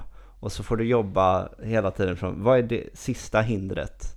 Okej, ja det här måste ske om jag ska nå målet. Ja. Okej, vad är sista hindret inför det då? Och så jobbar du tillbaka till, "Där, då måste jag göra det här, då måste jag göra det här. Eh, och jag kan tänka mig, du som hållit på mycket med programmering, alltså det måste ju vara, Ja, det är många grund, grundstenar som berörs där med booleaner och så vidare. mm. Och eh, nej men eh, jag, eh, lite extra plus för att jag då eh, spelade det här en eh, helg med en kompis när jag var och hälsade på honom och vi bara köttade det här tillsammans i, i två dagar, eh, två eftermiddagar eller två stora delar av två kvällar. Ja. Eh, och du vet, man får lite den här, vänta har du en idé? Okej, okej, du, du provar liksom. Ja, sen, ja det, det fan det var det, snyggt du vet liksom. Ja. Eh, lite kul att sitta och verka på pusslen tillsammans. Så eh, mm. rekommenderas. ja. Eh, och nu är vi framme då vid tionde plats. Mm. Och jag pratade väl om det typ för ett, två avsnitt sen. Så fick familjen av sig själv i julklapp Super Mario Party till eh, Switch. Mm. Eh, det kom ju 2018. Men vi spelade först nu då vid juletid i årsskiftet här. Så det känns ju lite så här. Jag spelade inte det under förra decenniet. Men ja, ja. Det är kul och vi har fortfarande mycket kvar att göra i det. Så eh, nej, men jag tror att eh, det här kommer hålla länge. Mm. Alltså Mario Party har ju på något sätt antagligen redan på GameCube-tiden så behövde det inte bli snyggare ungefär Nej, grafik, grafikmässigt. Så det är bara, ja, det är väl att switchen nu kan bidra med de här eh, ja, funktionerna jag pratade om att paddla och sånt där. Att man håller kontrollen på ett sätt så. ja, Annars så, ja. precis. det finns några. Ja, nej men det är ett bra eh, party familjespel skulle jag säga. Definitivt. Det fortsätter att hålla den här seriens fana högt. Mm. Ja men det, det jag, eh, jag gick ju vidare till det andra Mario Party men jag vet att det här fick upp ögonen. Eh, fick upp ögonen för serien igen. Jag fick det Mm. eh, när jag, jag spelade det här. Mm. Så mysigt, så familjevänligt. Eh, men eh, ja. Du, Tionde plats för dig så vet jag att det här spelet har du hyllat Ja, rejält så jag är förvånad att se det så pass långt ner. Ja, och det är faktiskt lite en fråga om eh, alltså livslängd, alltså peak kontra livslängd. Om vi hade gått eh, på vad som var den bästa, eh, bästa timmen jag spenderat med ett spel, eller kanske bästa fem timmarna, Mm. då kanske det här hade flugit upp flera platser på listan. Men Ja. jag måste väga lite eh, hur det håller också. Marvels Spider-Man till Playstation eh, 4 är eh, ett, eh, var svindlande roligt eh, ett antal timmar. Där jag bara tänkte så här, jag, jag känner mig som så här, som i eh, värsta, ja men eh, man pratar ju om sandbox games liksom, sandlådespel. Men det här var någonting där jag, då menar man ju ofta GTA och sånt. Men här kände jag verkligen att det var som en sandlåda av gör vad du vill med fienderna och hoppa runt och liksom Mm. eh, var hur akrobatisk som helst. Det är superkul, men det är bara det att loopen eh, av, alltså gameplay-loopen, den körs om väldigt, väldigt, den är jättestark, men den körs om väldigt, väldigt många gånger på ungefär 15-20 timmar. Och jag insåg liksom att det faktum att jag inte ännu gett mig på att spela Miles Morales, då, den Mm. här lilla uppföljaren, säger någonting om att det var sjukt kul till en början och sen blir man lite mättad på upplägget. Ja. Eh, och det är därför det kommer eh, så här långt ner. Men eh, ett samtidigt ruskigt bra spel som jag ja, tycker man så gott som måste spela om man äger en Playstation 4. Okej. Har du provat de här förresten? Typ Just Cause och Infamous eller? Infamous har jag faktiskt eh, klarat ja. Okej. Eh, det gillade jag. Eh, jag var, det var lite sånt där där jag var förvånad över att ehm, Ja men jag gick in med lite lägre förväntningar än jag, det, jag spelade det under en period där jag hade haft, varit lite dålig på att spela nya spel ett tag och så tänkte jag men jag äger ju det här, jag borde prova det och så märkte jag bara, ja men fasen det här är riktigt kul. Så Mm. att, eh, men det var Sucker Punch som gjort det tror jag, de som även är kända för Sly Cooper och nu senare Ghost of Tsushima. Mm. Så eh, ja, det var, jag har däremot inte kört Just Cause. Det är Nej. väl, eh, ja, är man inte typ lite kriminell i det eller någonting? Jag har ju alltid lite svårt för Jaha. Ja, jag tänker just den här att slänga sig ut med grappling hook från flygplan och bara... Ja, ah, just det. Jo, det är, sånt är ju i och för sig alltid kul. Så Ja. att, eh, ja. Vi kör lite rapid fire här ja. Mm. Så, Plats nummer nio då för mig. mm. För er som minns min största besvikelse genom tiderna. Kom i år 2013. Shadowrun Returns. Eh, och det var ju jag besviken på grund av att jag var pepp inför det. Och jag tyckte att man gjorde eh, kunde gjort så mycket mer utav ett eh, så pass häftigt koncept. Eh, så eh, vad jag fortfarande inte sen jag nämnt det tagit tag i de här andra spelen som har kommit ungefär samtidigt. Eh, XCOM och eh, Mutant och så vidare. Mm. Vilket jag kanske borde göra som med så många andra spel. Men eh, så det är ju inte ett dåligt spel. Men jag tycker att eh, eh, det var ju dels buggigt och sen även eh, tycker jag att eh, alltså speldesignen det kändes verkligen inte som att spela någon större roll. Att jag valde att min karaktär skulle vara duktig, long range och en hacker. Nej, Utan eh, det, jag kunde lika gärna ge snipern till en eh, melee-gubbe. sånt där är alltid lite tråkigt när, eh, när du vet, ett spel ska få dig att kännas som eh, anpassa din karaktär jättefritt. Mm. Och så är man så här, ja du menar ge den typ plus 10% i två stats och minus 10% i två andra stats. Och Mm. det är liksom, det är det ni menar med att det är Mm. anpassat nu. Mm. Det blir inte så in, mycket inlevelse i att vilket rollspel det här är. Nej. Eh, men Ja. någonting måste det ha haft eftersom det ändå känns värt att nämna då. Ja, ja. Men det, det kan ju också vara någonting som vi kanske kommer till en slutsats sen. Varför det är med. Men alltså det är klart att det är ett okej spel. Och eh, ett bra soundtrack kan ju rädda upp en del också. Snygg estetik för den delen med. Så det är väl min, min största takeaway är nog soundtracket. Framförallt där jag vet att det finns ett stycke av tre stycken som är väldigt bra. Dels har vi då eh, inled, alltså en del, eh, jag skulle säga att eh, ska säga, slagsmål, slagsmålsmusiken är ett Mm. stycke som går lite mer i drum and bass an- anda. Jag tror den heter BTL Burn eller någonting. Mm. Bra. Sen finns även inledningsmotivet som heter Return of the Sixth World, tror jag den heter. Och eh, eh, sen favoritstycket Null Sheen som numera är med på min topp 20 tror jag det är utav mest spelade låtar. Okej. Så Gavin and Marshall Parker, farsa och son, har gjort soundtracket. Eh, så det blir den stora behållningen för mig där då. Jag tänker, nu får man ju osökt idé till ett framtida avsnitt. Alltså vi har ju haft ganska mycket fokus på, ehm, på både på soundtracks och det vi haft hittills på vår spelmusiklista Ja. eller låtar. Har ju kanske inte varit så mycket tiotal. Nej. Ta fram lite låt, nyare låtar och snacka om. Ja, någon, kan gång, vara något. någon gång får jag göra det med. Ja.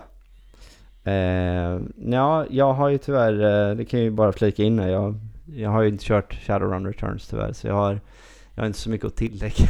Men, eh, Nej, men alltså uppenbarligen om man kollar på dina topplisteplaceringar av spel så har du ingenting emot i alla fall omgångsbaserad, eh, omgångsbaserade strider. nej, nej, det är sant. Eh, jag, hade, jag hade absolut kunnat kolla in det av den anledningen. Men det är klart, det är synd när du pratar om att det är lite besvikelse. Men det, sen har jag läst om det på senare år och att folk tycker visst att det är bra men att man ska inte st- ställa sig till kören hela tiden men att jag, jag äger spelet fortfarande. Jag kanske ska ge det en till chans någon gång men det finns ju expansioner och så vidare. Mm. Men då kanske jag hellre provar något av de andra först. Eh, ja, nej, sen eh, jag eh, kan gå vidare här på min lista med att det som också tror jag av, arbetades av Ja, under poddens eh, livstid. Och det är, det är Celeste. Det här pixliga plattformspelet som eh, stundtals är vansinnigt svårt. Eh, men som uppmuntrar en att alltid bara försöka igen och försöka igen för att det är så kort startsträcka att komma igång med ett nytt försök liksom. mm. Vilket jag eh, varit inne på flera gånger att jag tycker det är eh, spelets briljans ligger i två saker. Det ena är en väldigt eh, enkel men skön styrning liksom i hu- hur man kan vara precis med sina hopp och så. Men det andra är det här med att dog du? Jaha, men det är lugnt. Du behöver inte spela om mer än Visst, på de absolut sista svåraste banorna så kanske sekvensen är en hel minut ungefär. Eh, men för det mesta så är det aldrig en riktigt lång, ett riktigt långt gatlopp du ska igenom en andra gång. Eh, för det är det man inte riktigt orkar med tycker jag när något är svårt. Att ah, nu försvann en halvtimme eller så här. Ja. Så eh, ja, en absolut eh, hyfsad eh, story. Också eh, ett antal eh, minnesvärda låtar i soundtracket. Eh, kan eh, rekommendera en som, eh, vad är det den heter? Jag tror den är i alla fall till bana 5B. Ehm, och eh, sök på den eh, om ni vill höra någonting som låter väldigt mycket som Donkey Kong Country.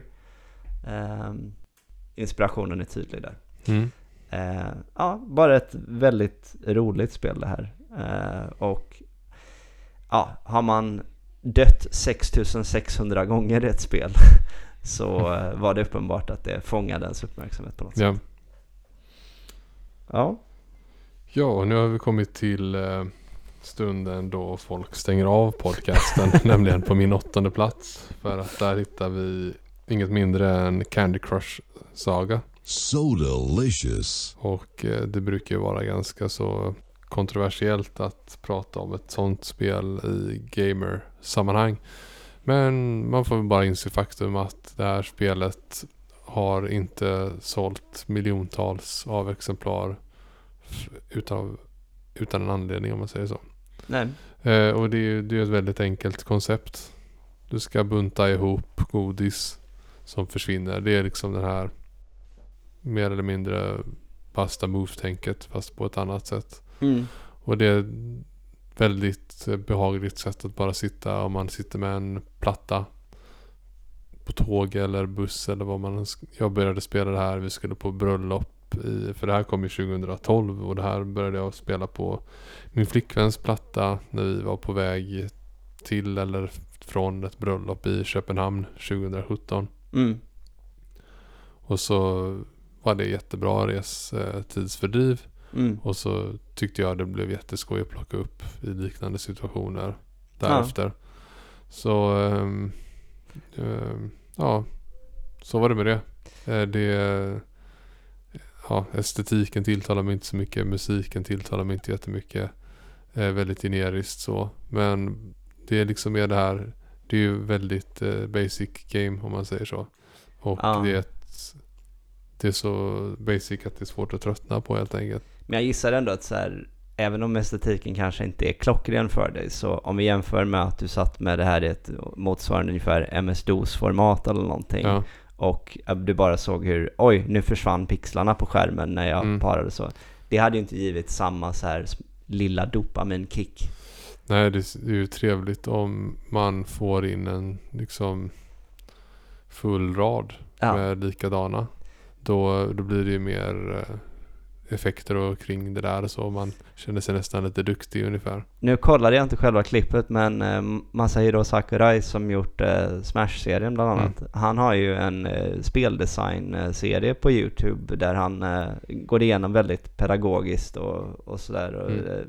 det, jag är inte speldesigner själv, men har man nå- något intresse för det där alls kan jag verkligen tipsa om den. Ja, Men jag såg att eh, en av hans senaste videor handlade om att få pusselspel att kännas goa liksom. Han Mm. är, ligger ju bakom Meteos själv, så han vet väl vad han pratar om. Men det här, jag tror han lyfter fram då det här med att i Tetris är det så viktigt att när du får en rad så är det du du du du du du du och så Mm. att det stannar upp och du får se det. Eller Mm. då det här grymma ljudet när man får en Tetris. ja, Eh, det är väldigt belönande.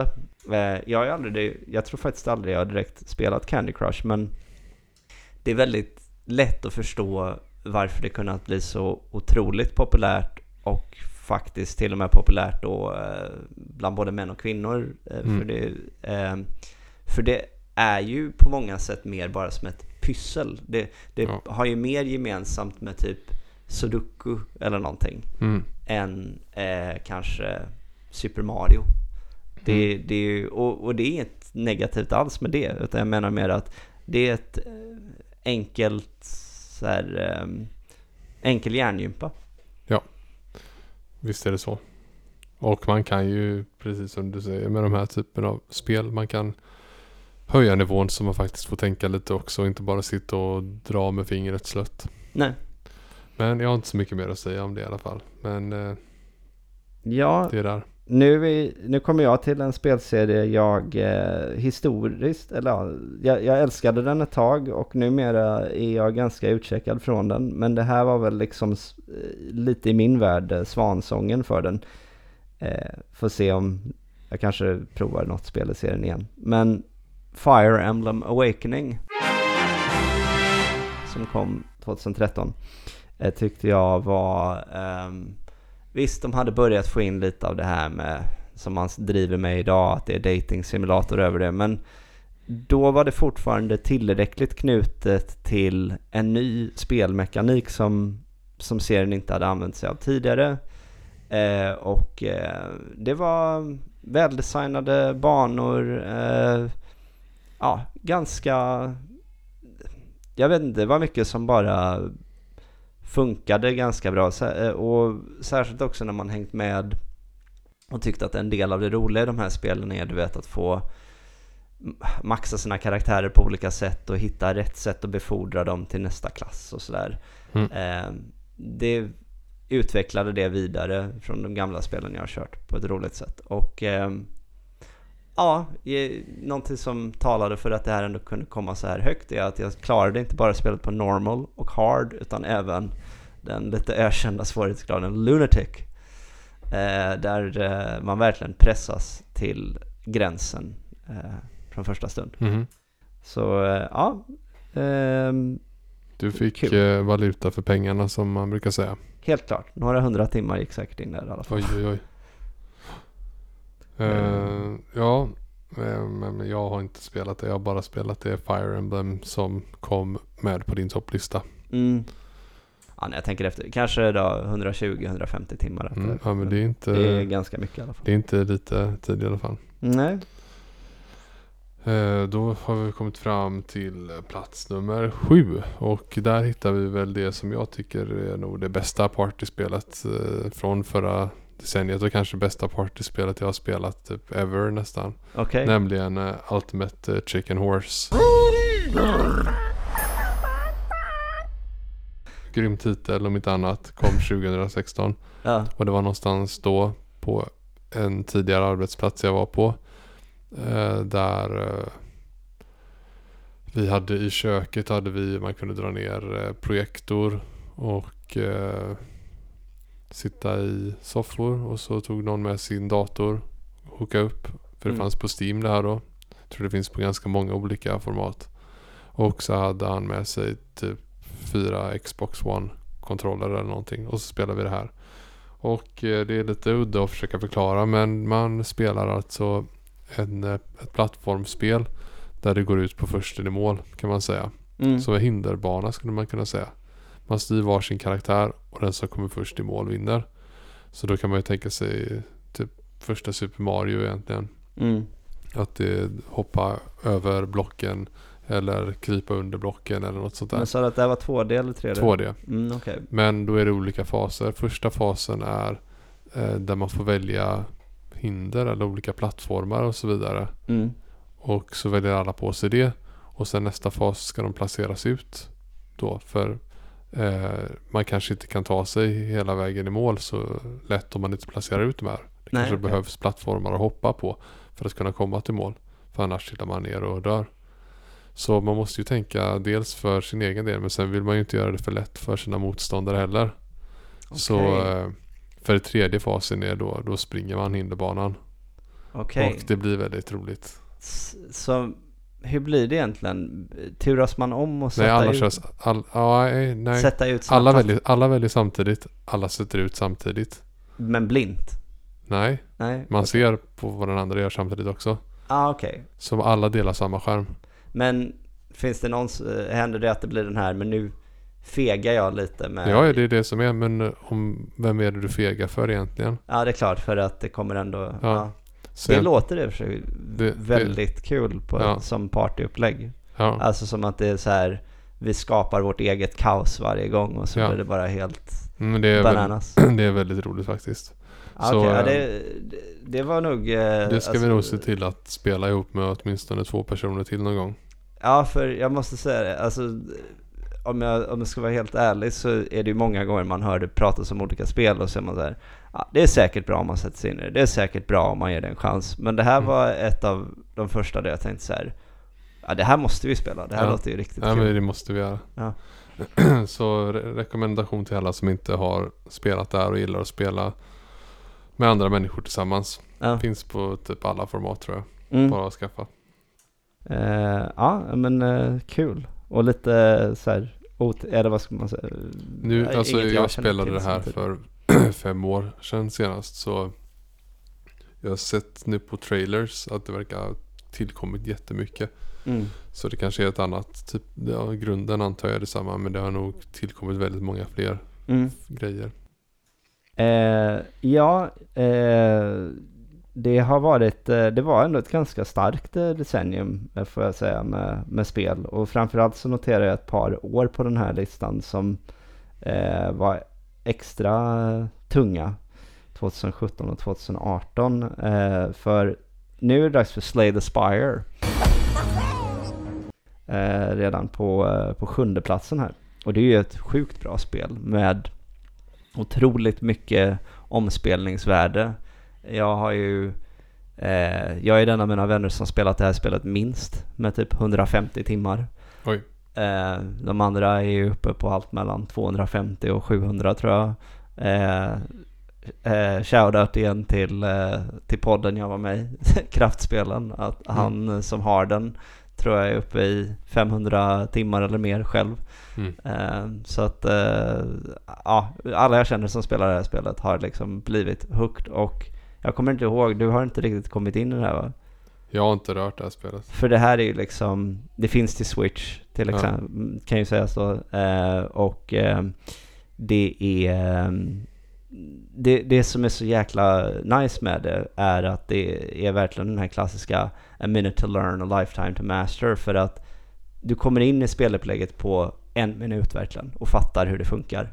Ja. Och sen är det bara så här, bygg din lek, hitta på själv hur den ska funka och så här, skapa galna synergier och prova saker du inte gjort tidigare och, man, och så lär man sig efterhand och jag och min kompis tänkte första gången vi spelade att vi skulle ta ett nytt kort efter varje strid och så här och så märkte vi till sist vår lek är så här 60 kort Mm. och massor av det är bara så här kass bloat liksom. Mm. Och så insåg jag, aha man kanske faktiskt ska välja bort kort ibland och ha en tunnare, tajtare lek liksom. Okej. Jättekul och eh, ett jag rekommenderar stenhårt att du provar honom. Ja, men det låter som att vi gav varandra varsitt tips här då. Mm. Och eh, då fortsätter vi ner mot sjätteplatsen. Eller upp mot sjätteplatsen kanske man ska säga. Ett spel baserat på ett annat spel här då. Som eh, en mod som blev en mod helt enkelt. Eller en mod som skapade möjligheter för att en annan mod skulle skapas. Nämligen Autochess. One punch, that's all it takes. Som vi har pratat om tidigare för några Mm. år sedan. Kom eh, 2019. Den version jag har spelat ehm, är eh, den var kinesisk utvecklad. Jag tror att det blev den som blev störst egentligen. Mm. På, på Android spelade jag den då på min platta. Det är svinkul och det är också beroendeframkallande. Mm. Eh, då gillade jag inte balan, balansi, balansen riktigt. Hur de har balanserat och speldesignat vissa grejer. Eh, jag började digga lite mer sen. Jag tror det kanske blev bättre också. Mm. Det var, kanske var väldigt ungt stadie. Nej men det, det är bra. Men jag har inte spelat det på ett bra tag nu heller. Nej, det var ju verkligen en sån här... ehm, ibland kan man observera liksom, vad är trenden inom spel nu? Ja det var en sommarplåga kan man säga. Ja, det var... Ett, liksom, om det ett år var Pokémon Go så Mm. var det Auto Chess som var hela grejen ett tag. Mm. Sen, så här. Ja, Ja, jag, eh, det, det kom, har lagt en del tid på. jag eh, kände mig alltid som att det kan ju hända att det rent av var för att det dök upp inom Dota först och så kände Mm. jag alltid så här så satt jag redan inne i Dota och så här "Äh, nu är jag ju peppad att spela det Mm. och då kommer jag inte välja att spela det här andra Mm. läget. Hade det dykt upp lite mer separat så hade jag säkert kunnat hamna lättare och prova det. Och sen när jag till sist hörde dig snacka om det lite och ja ah, okej man borde ge det en chans. Då var det som att trenden nästan redan var lite på väg ut. Så Ja. jag, jag, jag har ingen aning vad som händer i det universumet längre. Nej, Om om det känns rör jag, men jag tajmade aldrig riktigt att prova det där. Men det lät ju som ett rätt kul upplägg egentligen. Det är också um, mysigt om man Mm. säger så. Du gör ju, det krävs ju, eh, ja, som namnet uttrycker, det sköter sig självt. Du ska egentligen bara sitta på bänken och styra spelarna. Om man säger så. Ja, nej, sen så eh, är vi framme vid en eh, spelserie jag eh, pratat om eh, till eh, leda nästan i den, här, eh, i den här podden. Och nej, det är ju inte Advance Wars då, för det som alla är bekanta med nu har inte haft en ny release på väldigt många år. Utan jag snackar om Super, jag snackar om Super Smash Bros Ultimate. Ehm, och ehm, jo, för att det är ju det. Jag var inne på det i ett annat avsnitt med ehm, det med Martin Macy. Då kom vi väl in på det lite grann att Melee är ju favoriten för mig ändå eh, överlag. Både en mot en och, och faktiskt till och med om man spelar flera kanske. Eh, men att på många sätt är ju det här liksom det som eh, balanserar alltihop. Du, eh, det flyter på väldigt bra, du kan vara riktigt duktig på det men du kan också du måste inte kunna tusen avancerade tekniker för att ändå vara ganska duktig och inte minst är det ju det här vilket monument till Nintendos historia det är. Vad är det? Om man räknar sådana här kloner eller vad man ska kalla dem så är det väl en 80 karaktärer eller någonting man kan välja på. Vi var inne på det en annan gång att soundtracket innehåller typ 1300 låtar. Mm. Eh, över 100 banor. Alltså helt galet hur mycket content det här spelet har. Så ja, det behöver nog inte säga så jättemycket mer om det. Men det är klart att det måste in på en sån här lista för mig. Givetvis. Femte plats då. Från 2015. Ja. Det här spelet har lite olika titlar för att det är ett sånt här ungefär som Order Chess att det liksom Det var öppet för vem som helst att tolka ungefär. Och Mm. det blev en liten sån här Så det kan vara, det, som jag säger 2015 nu men jag, är, jag, jag vet att jag spelade liksom bra mycket tidigare än så. Typ 2010 kanske. Mm. Nämligen Planes Control. Som är spel till pekplatta också. Eller mobil enhet då. Mm. Du har en, tre typer utav plan eller flygmaskiner ska jag säga. Som Mm. ska till tre olika typer utav landningsbanor. Ja. Helikopter ska till helikopterplattas och sen har du lite större snabbare plan som ska till en. Och, eh, och så de ser mer ut som så större du vet, så Boeings typ. Som Mm. ska, de är röda. De ska till röd landningsbana. Sen har du typ små gula privatplan. Eh, som ska till gul landningsbana. Går i Ja. olika hastigheter och eh, det är bara att eh, du, du trycker på planet och sen drar du med ditt finger vilken eh, färdbana det ska ha fram till eh, sin landningsbana. Mm. Och sedan att de inte ska krocka med varandra. Ja. Ganska tom skärm i början. Och så småningom så är det fullt med plan överallt. Okej. Det- Så eh, också extremt enkelt spelupplägg. Man kan nästan tänka in lite, lite hjärndött då. Men det här har ungefär samma effekt som Snake, du vet. En Mm. gång till, en gång till. Jag vill få Ja. ännu bättre. Och eh, samtidigt som att det är så himla avslappnat på något sätt. Ja. Det, För, för mycket är liksom bara Har jag beräknat rätt nu?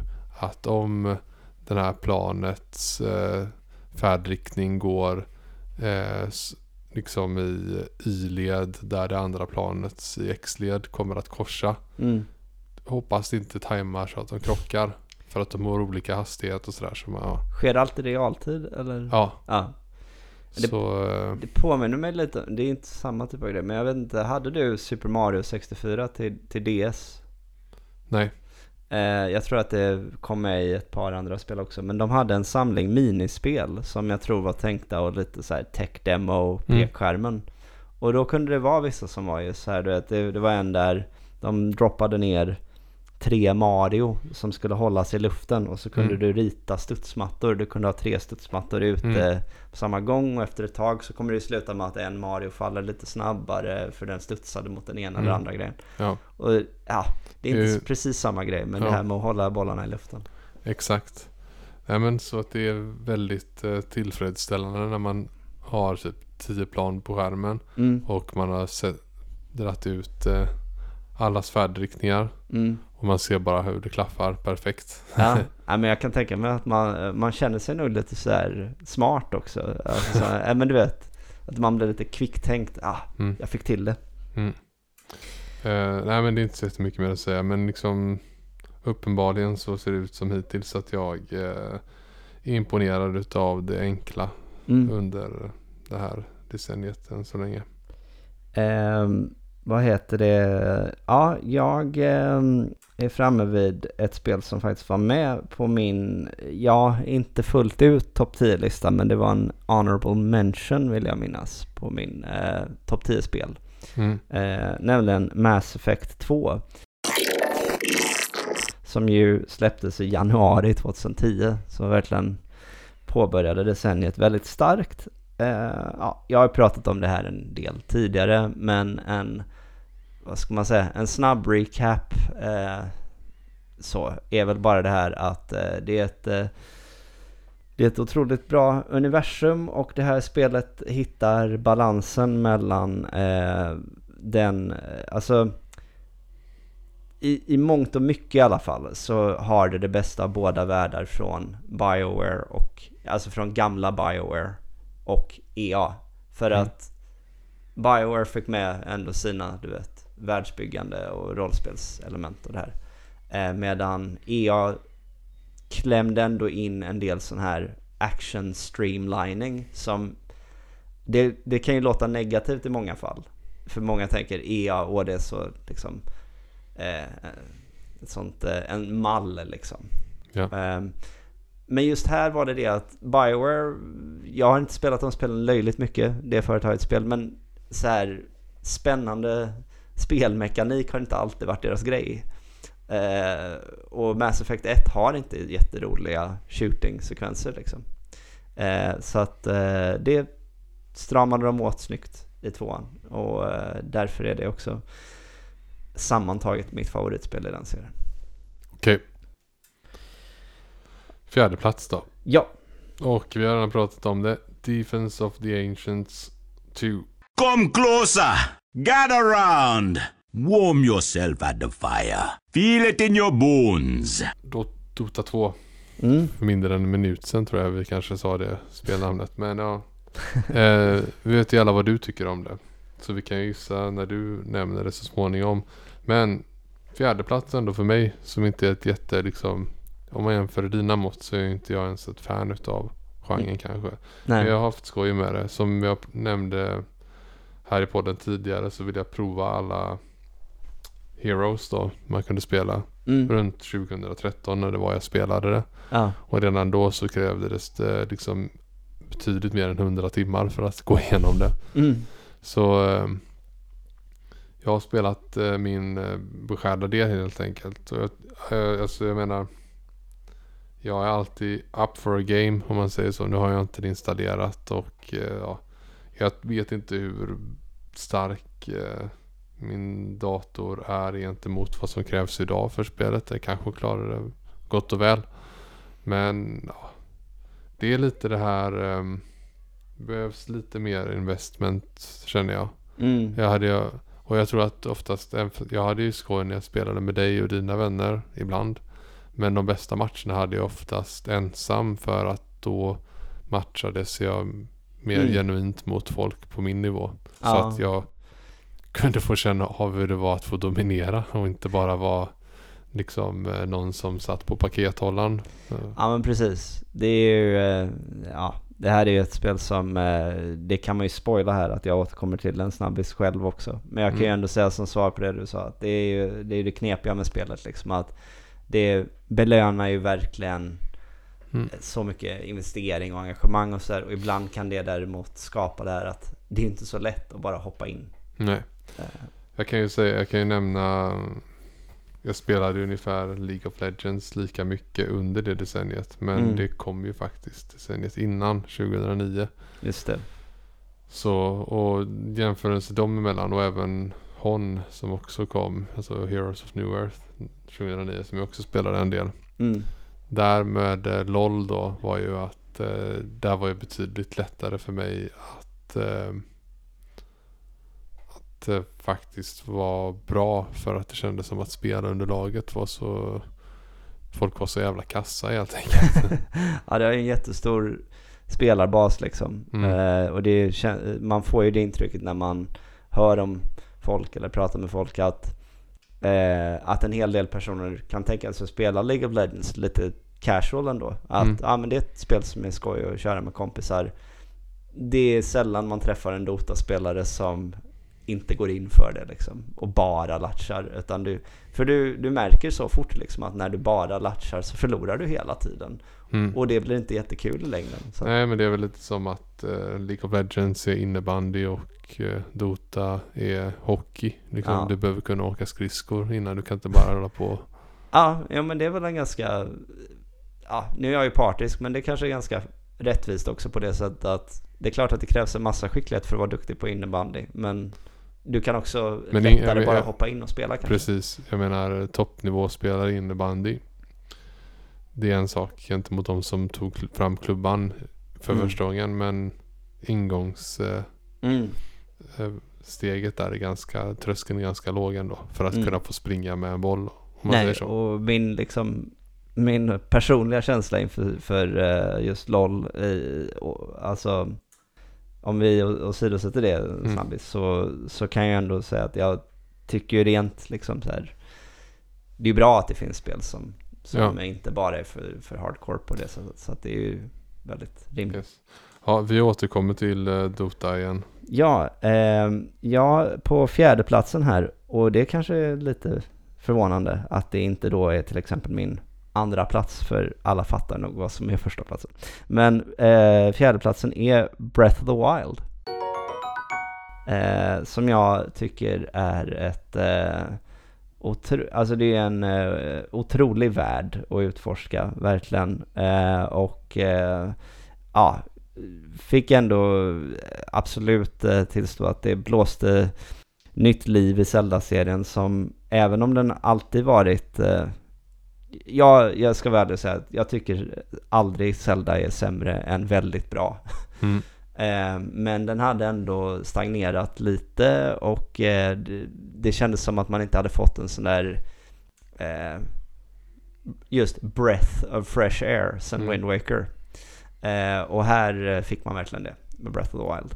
Ja. Och jag som aldrig varit ett, stort fan av Open World tyckte ändå att det alltid kändes lockande att kolla vidare. Vad, vad finns bortom horisonten där borta?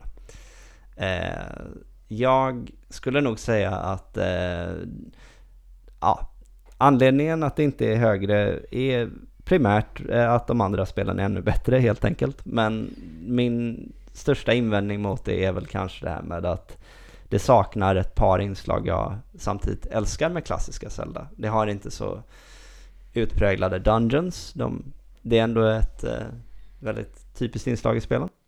Och eh, soundtracket är ju ganska avskalat.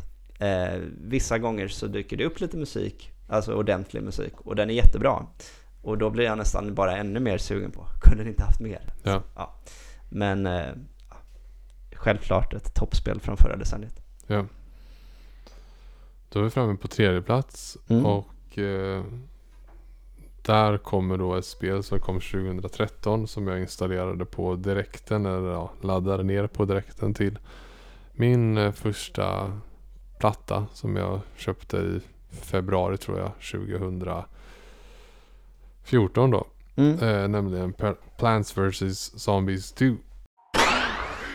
Mm. Eh, jag gillade ju redan det första och eh, det andra har jag spelat jättemycket. Det är ännu bättre. Eh, visst, jag kan sakna vissa lägen från det första och sådär. Mm. Som inte, jag tror kom i det andra. Eh, men eh, det introducerade istället så mycket mer nytt, kul. Mm. Och ja, det är väl mitt favorit Tower Defense om man säger så. Mm. Eh, och det har jag väl på något sätt samtidigt eh, bara gått cold turkey med för ett par år sedan och inte plockat upp för att ja, det blir ett sånt där klassiskt mobilspel som eh, hela tiden vill dra in dig för att det finns ungefär daily quest och la la Mm. la la och det här var egentligen bara, det var väldigt kul att spela igenom eh, den grundläggande kampanjen som eh, var klar.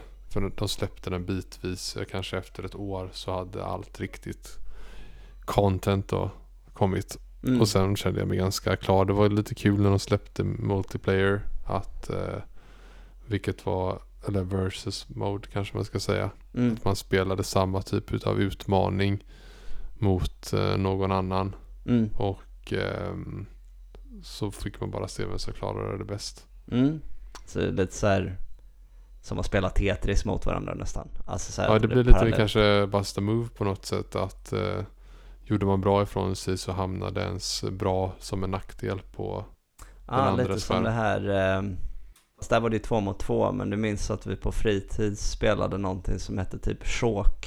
Alltså Mm. eh, två mot två schack. Ja, Där om jag tog, vi säger att det var jag och en kompis mot eh, ja, du och en annan Just det, kompis. ja. Om jag tog en löpare Mm. så kunde min kompis sätta in löparen mot dig i sitt parti. Ja. sånt. Ja, det är den rätt coolt. Ja, det var lite kul. Jag har inte spelat det någon gång sedan Nej, när man var liten. ja, nej men eh, jag tror alla, det är gratis det här spelet. Till skillnad faktiskt från det första som kostade pengar. Mm. Så, men de gör ju pengar på microtransactions och sånt istället. Så. Ja, men, Men är eh, ja, det är nog lika roligt eh, nu som när det släpptes spelet, alltså kampanjen. Det är tidlöst på det sättet. Det är tecknad mysig grafik. Många av de här spelen där vi pratar om nu med Cold Turkey handlar ju också om att det är jättekul i jättemånga timmar. Men Mm. till sist blir det bara så här som, nej men nu gör jag det bara på ren rutin. Ja, Liksom. nu, nu är jag färdig. Ja. Och det leder mig osökt in på min tredje plats. Mm. Nämligen eh, Hearthstone. Do not fear power. Fear those who wield it. Som eh, jag insett eh, att jag eh, underskattat lite grann i eh, den här podden eh, ändå. För att eh, jag tror att det är det spel jag har lagt jag undrar om det inte är det enskilda spel jag har lagt näst mest tid på någonsin efter Dota. Mm. Eh, kan det vara 1500 timmar i alla fall, något sånt. Eh, ja, det är otroligt beroendeframkallande och eh, ex- exceptionellt eh, bara så här enkelt upplägg att komma in i, tilltalar eh, mig som så här gammal Ja, ni har ju hört många gånger att jag gillar turn-based upplägget liksom och kortspel har ju med det. Men det finns också lite grann av då att jag är gammal pokerspelare, att åh, kommer jag dra den perfekta handen? Kommer du... Alltså många sådana här små belöningssystem. Mm. Och sen så, spelet hänger ju verkligen på, för de som inte är så bekanta med Hearthstone så är det ju det att det är ju ett så här duellkortspel där man spelar ut kort lite som i Magic the Gathering och ja, mina gubbar går på dina gubbar ute på brädet, Mm. mina kort går på dina och så. Eh, men det finns två olika format kan man säga. Det ena är att du tar din, eh, du öppnar liksom din samling i spelet, korten Ja. du har förvärvat på olika sätt och bygger din egen lek. Och då kan du bygga den utifrån en massa olika standardiserade format som folk lägger upp på nätet. Och det, det var det som förstörde spelet lite, att alla följde bara samma mallar. Eller så kan du kreativt liksom hitta på, vad tror du blir en bra lek? Bara prova de här med varandra. Ja. Så, men det var liksom grundläget. Det som däremot är spelets äkta eh, så här, prime-del, premium-del, är arena, eh, heter det, eller arena. Och det är ju det där du, det är ju draft liksom. Det är att här, nu får du tre kort att välja på. Och så får du det igen och igen tills du har draftat då eh, 30 olika kort och byggt en lek utifrån liksom slumpmässiga förutsättningar. Och du har ingen aning om vad du kommer kunna få. Ibland har du tur och så får du möjlighet att ta jättebra kort. Andra gånger får du bara så här skrapa ihop den minst dåliga leken av dåliga alternativ du fick liksom. Men det är också en kick liksom att så här, ja du skulle sett vad jag hade att välja på men jag lyckades ändå få ut sex vinster med den här skitleken. Mhm. Det, det kunde ofta vara minst lika kul som något annat. Så jag eh, älskade det här spelet. Men här var det verkligen det som du nämnde med eh, ja, Heyday kanske framförallt då. Mm. Någon dag bara jag insåg så här, nej jag spelade just fyra matcher i rad utan att min hjärna ens var inkopplad. Och jag drar varje gång till exempel jobbdagen i slutet eller någonting. Jag bara sätter på det här och stirrar in i skärmen och spelar nästan automatiskt. Det här är nikotin för mig nu. Mm. Det, det är som folk som röker 30 cigg om dagen och inte får en, ett rus längre utan de ska bara ha det. Sitter och fimpar i sin öl framför Jack Vegas-maskinen. Exakt så. Så att där någonstans landade jag i eh, Cold Turkey. Och jag har faktiskt, eh, jag kom att tänka på det häromdagen att mm, undrar om det finns lite, lite liv i det nu när jag inte har rört det på säkert en fyra år. Men så kände jag bara så, nej, öppna inte, öppna inte den Pandoras ask eh, som sover, höll jag på att säga. Ja. Eh, men det var sjukt kul. Men Ja. det var det. Okej, så från ett eh, Blizzard-spel till ett annat då. Nämligen att jag pratade om, för inte alls länge sedan, Starcraft 2. På andra plats för mig. Och eh, vem vet där, det kan det kunna vara första plats. Men jag har ju två delar kvar utav spelet att spela. Jag har spelat Terran Campaign och det, det. finns eh, Zerg och Protoss. Men håller de två lika hög klass som den första kampanjen hittills har gjort så är det ju nog definitivt en första plats Mm. för det här. Eh, men det återstår att se. Jag vill ju slänga mig på och köra vidare men ja. Jag, jag måste nog eh, samla mig lite innan ändå. Ja, Och just nu så, ja just nu med allt som händer runt omkring mig så eh, jag får vänta lite till innan jag tar ett tag i det. Och eftersom du bara har ett spel eh, kvar på den här listan Mm. att nämna så kan ju eh, folk räkna ut att det finns ett par spel som du kanske, eller i alla fall något enstaka, som du inte hunnit köra än och som Ja, ja. kanske hade platsat på den här listan. Definitivt he- hela den här listan nu när den börjar närma sig slutet här är något slags en summering utav allt jag inte har spelat. Nej, utan istället fått eh, utforska någonting som i och för sig inte alla typiska sådana här poddar kanske kommer in på så ofta. Nej. Mobilspel, det är ju faktiskt också spel. Ja, Ehm, så att, ja. Ehm, men ja, eh, jag är framme vid min andra plats eh, som är då Super Mario Odyssey. Eh, som eh, i, eh, ja alltså jag höll ju Super Mario 64 vet ni, eller vet du då. Jag höll ju det som ett av de bästa spelen någonsin Ja. och som en så här omvälvande spelupplevelse och alla de bitarna för, för liksom den rena spelglädjen och Mario Odyssey var den renaste spelglädjen jag känt på väldigt länge. ja, Alltså för att det lyckas att både vara ett eh, oerhört underhållande spel och spela på alla de rätta nostalgisträngarna eh, utan att jag känner mig heller manipulerad utan mer bara som Hey, this is for you. Så, Mm. här. Ehm, så att, ja, och när man kombinerar det också med eh, det bästa soundtracket eh, Nintendo kommit med sen Wind Waker i alla fall. Eh, Okej. Jag menar, jag kan, inte, jag kan inte ens säga säkert om Wind Waker soundtracket är bättre, men men det är ändå det- så här typ men- bästa på 15 år då. Ja, så att ehm, det här är mitt, eh, det det här är spelet jag säger till alla att så här, äger du en switch, bara kör det. Jag ska ta tag i det. Mm. Ja, du har något att se fram emot. Mm. Och då är vi framme vid första platsen och eh, ja, för din del vet vi redan om det.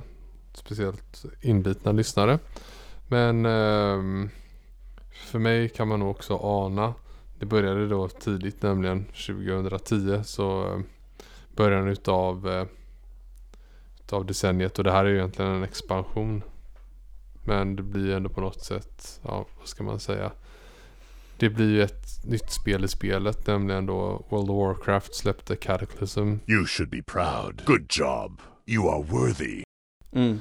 Och eh, om man ser då level 80 till 85 som man spelade med den eh, nya zoner. Det var inte direkt en ny kontinent utan det var mer eh, nya delar utav existerande material som egentligen revampades. Det blev Mm. ju då, man hör på namnet där, av en cataclysm. Så Ja. omformades spelvärlden och blev sig olik hur den hade varit tidigare. Och eh, just att köra med sin main character då från 80 till 85. Den, de delarna man levlade där, questing där, allting var så himla bra gjort och så himla roligt.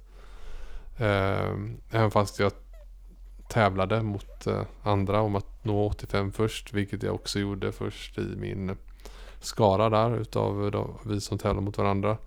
Så, eh, så, så njöt jag ändå utav att plöja igenom det här. Mm. Men det är lite så här, jag kände väl att okej. eh, jag kanske inte är sugen på att spela de här zonerna igen. För att det var väldigt mycket hela tiden nyhetens behag skulle jag säga. Mm. Nu har jag gjort det en gång. Men å andra sidan fanns ju då hela den gamla världen var omgjord. Så att jag kunde spela nya karaktärer och få återuppleva gamla kontinenter och områden. Eh, med väldigt mycket bättre speldesign. Ja. Det gamla spelet var ju väldigt mycket liksom Gå och hämta tio äpplen åt mig. Du vet. Ja. Och nu istället så var allting väldigt mycket mer och, Alltså questdesignen var bättre och sen hur kedjestrukturen, hur man leddes fram till nya platser och sådär. Väldigt mycket snyggare gjort och sådär. Mm.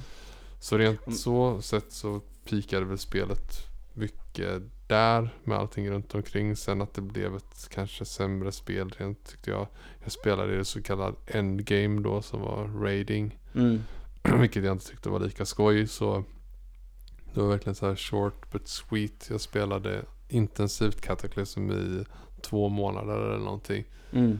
Så jag vet ju inte hur faktiskt hela expansionen blev i slutet med. Jag hade ju lagt av att spela när då Deathwing som var sista bossen släpptes Ja. något år senare. Då hade jag ju lagt av. ja, för du, Så- det här var väl det sista du Ja. med på det här tåget liksom? Ja, jag har inte spelat någon retail sedan dess. Och eh, jag är ju inte direkt lockad tillbaka in i det heller. Jag är glad med de minnena Mm. jag fick.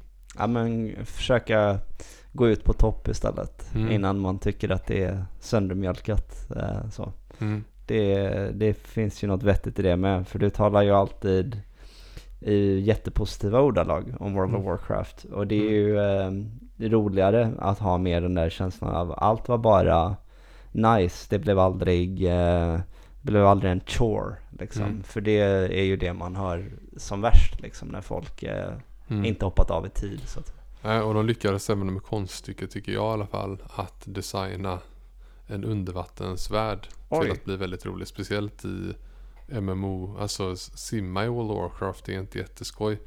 Men eh, de verkligen lyckades med det. Det blev inte så fasligt mycket simmande ändå. nej. Utan det blev mer man, ja.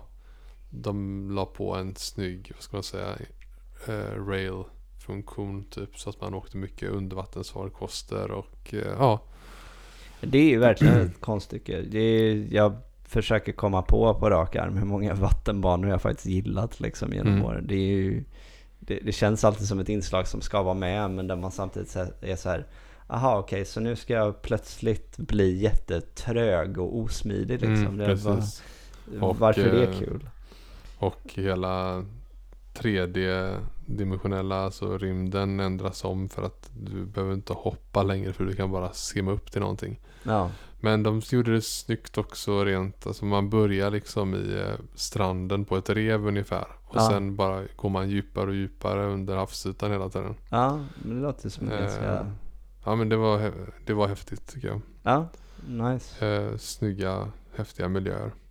Men eh, ja, ingen big surprise där då vad som kommer först för dig heller. Nej, precis. Det är ju då förstås eh, Dota 2 Monster kill! Som ju även är mitt eh, favoritspel någonsin. Men ja, ska man snabbt hoppa tillbaka till tråden som var när du hade det uppe själv så är det det här eh, Det finns ju en eh, youtuber som heter Joseph Anderson som eh, gör eh, långa eh, ja, långa kritik eh, videor eller recensioner kan man väl kalla det så här. Men analyser då Mm. av spel.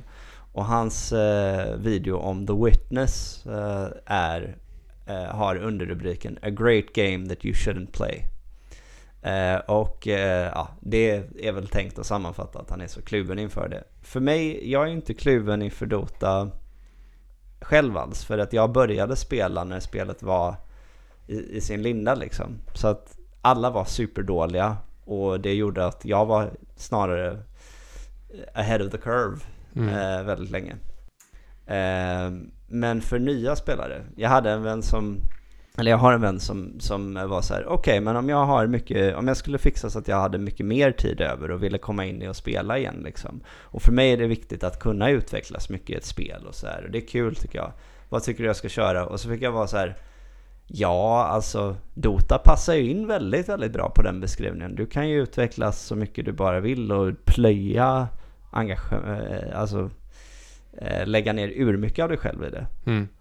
Men det vore ändå lite svårt att, att rekommendera dig att göra det. För att problemet blir någonstans om du märker 300 timmar in att det här klaffar ändå inte riktigt för mig. Mm. Och då, jag menar hur många andra grejer är det där du har lagt 300 timmar på att ta reda på om du tycker om något? Ja.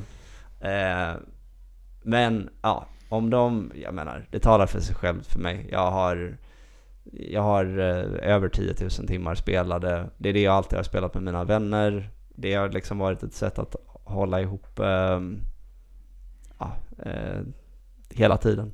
Ja. Och eh, nej, otroligt djupt och jag har sagt jättemycket om det här spelet redan. Men det är klart Mm. att det måste komma på första plats då från förra decenniet. Ja. Eh, Ja. Mm, så det här, var eh, 10-talet där. Ja, då har vi ändå recapat det lite så att det inte bara är att vi pratar om väldigt avlägsna minneskort. Mm. Och det blir mycket spel också, vilket är positivt. Ja, Eh, och eh, som jag var inne på där, det märks tydligt att det blev eh, ganska mycket mobilt för mig där då. Och eh, väldigt mycket så att eh, den typen av spel man bara kan plocka upp och spela snabbt ur fickan en stund. Mm. Och sen inte behöva tänka på att medan jag har pausat nu så kan det vara konsekvenser eller vad som helst. Utan det är snabba små spelomgångar som oftast inte tar längre än fem minuter. ja, Och för din del så blev det mer att du faktiskt har betat av en hel del av de stora verken om man säger så som kom under 10-talet. jag, Framförallt från Nintendos sida. jag får ändå säga att jag är, är ganska, alltså med tanke på hur jag ofta eh, känner mig, alltså så här extremt Nintendo-fanboy, så är jag ändå nöjd med att det är väl, det är väl eh, liksom två spel här som är, eller kanske tre spel som är extremt utpräglat PC-spel då. Sen är det väl, ja, vad är det, Slay the Spire och, och Celeste och Baba Is You, det är ju ganska mycket multiplattform ändå. Och, och så har du Uncharted 4 och Spider-Man, det är, det är Playstation och, och sen ja, fyra Nintendo-spel. Alltså det är ändå en viss spridning. Jag är, Ja. inte, jag är inte bara tråkig. Jag hoppas det har funnits behållning här för alla möjliga tänkbara lyssnare. Mm. Och eh, ja, det var dagens, eller den här omgångens eh, avsnitt. Det blev ändå längre än vad jag trodde. Ja, Men eh, inte fullt så långt som förra gången. nej. Och nästa gång så är det ju dags för eh, eh, pallen i eh, topp, den vanliga topplistan. Theme Ja. Ja, japp, japp, japp. Men eh, tills dess, ha det så bra och hoppas att vi fått mer får. Ja, tills dess också. Ja, ha det bra. Ha det.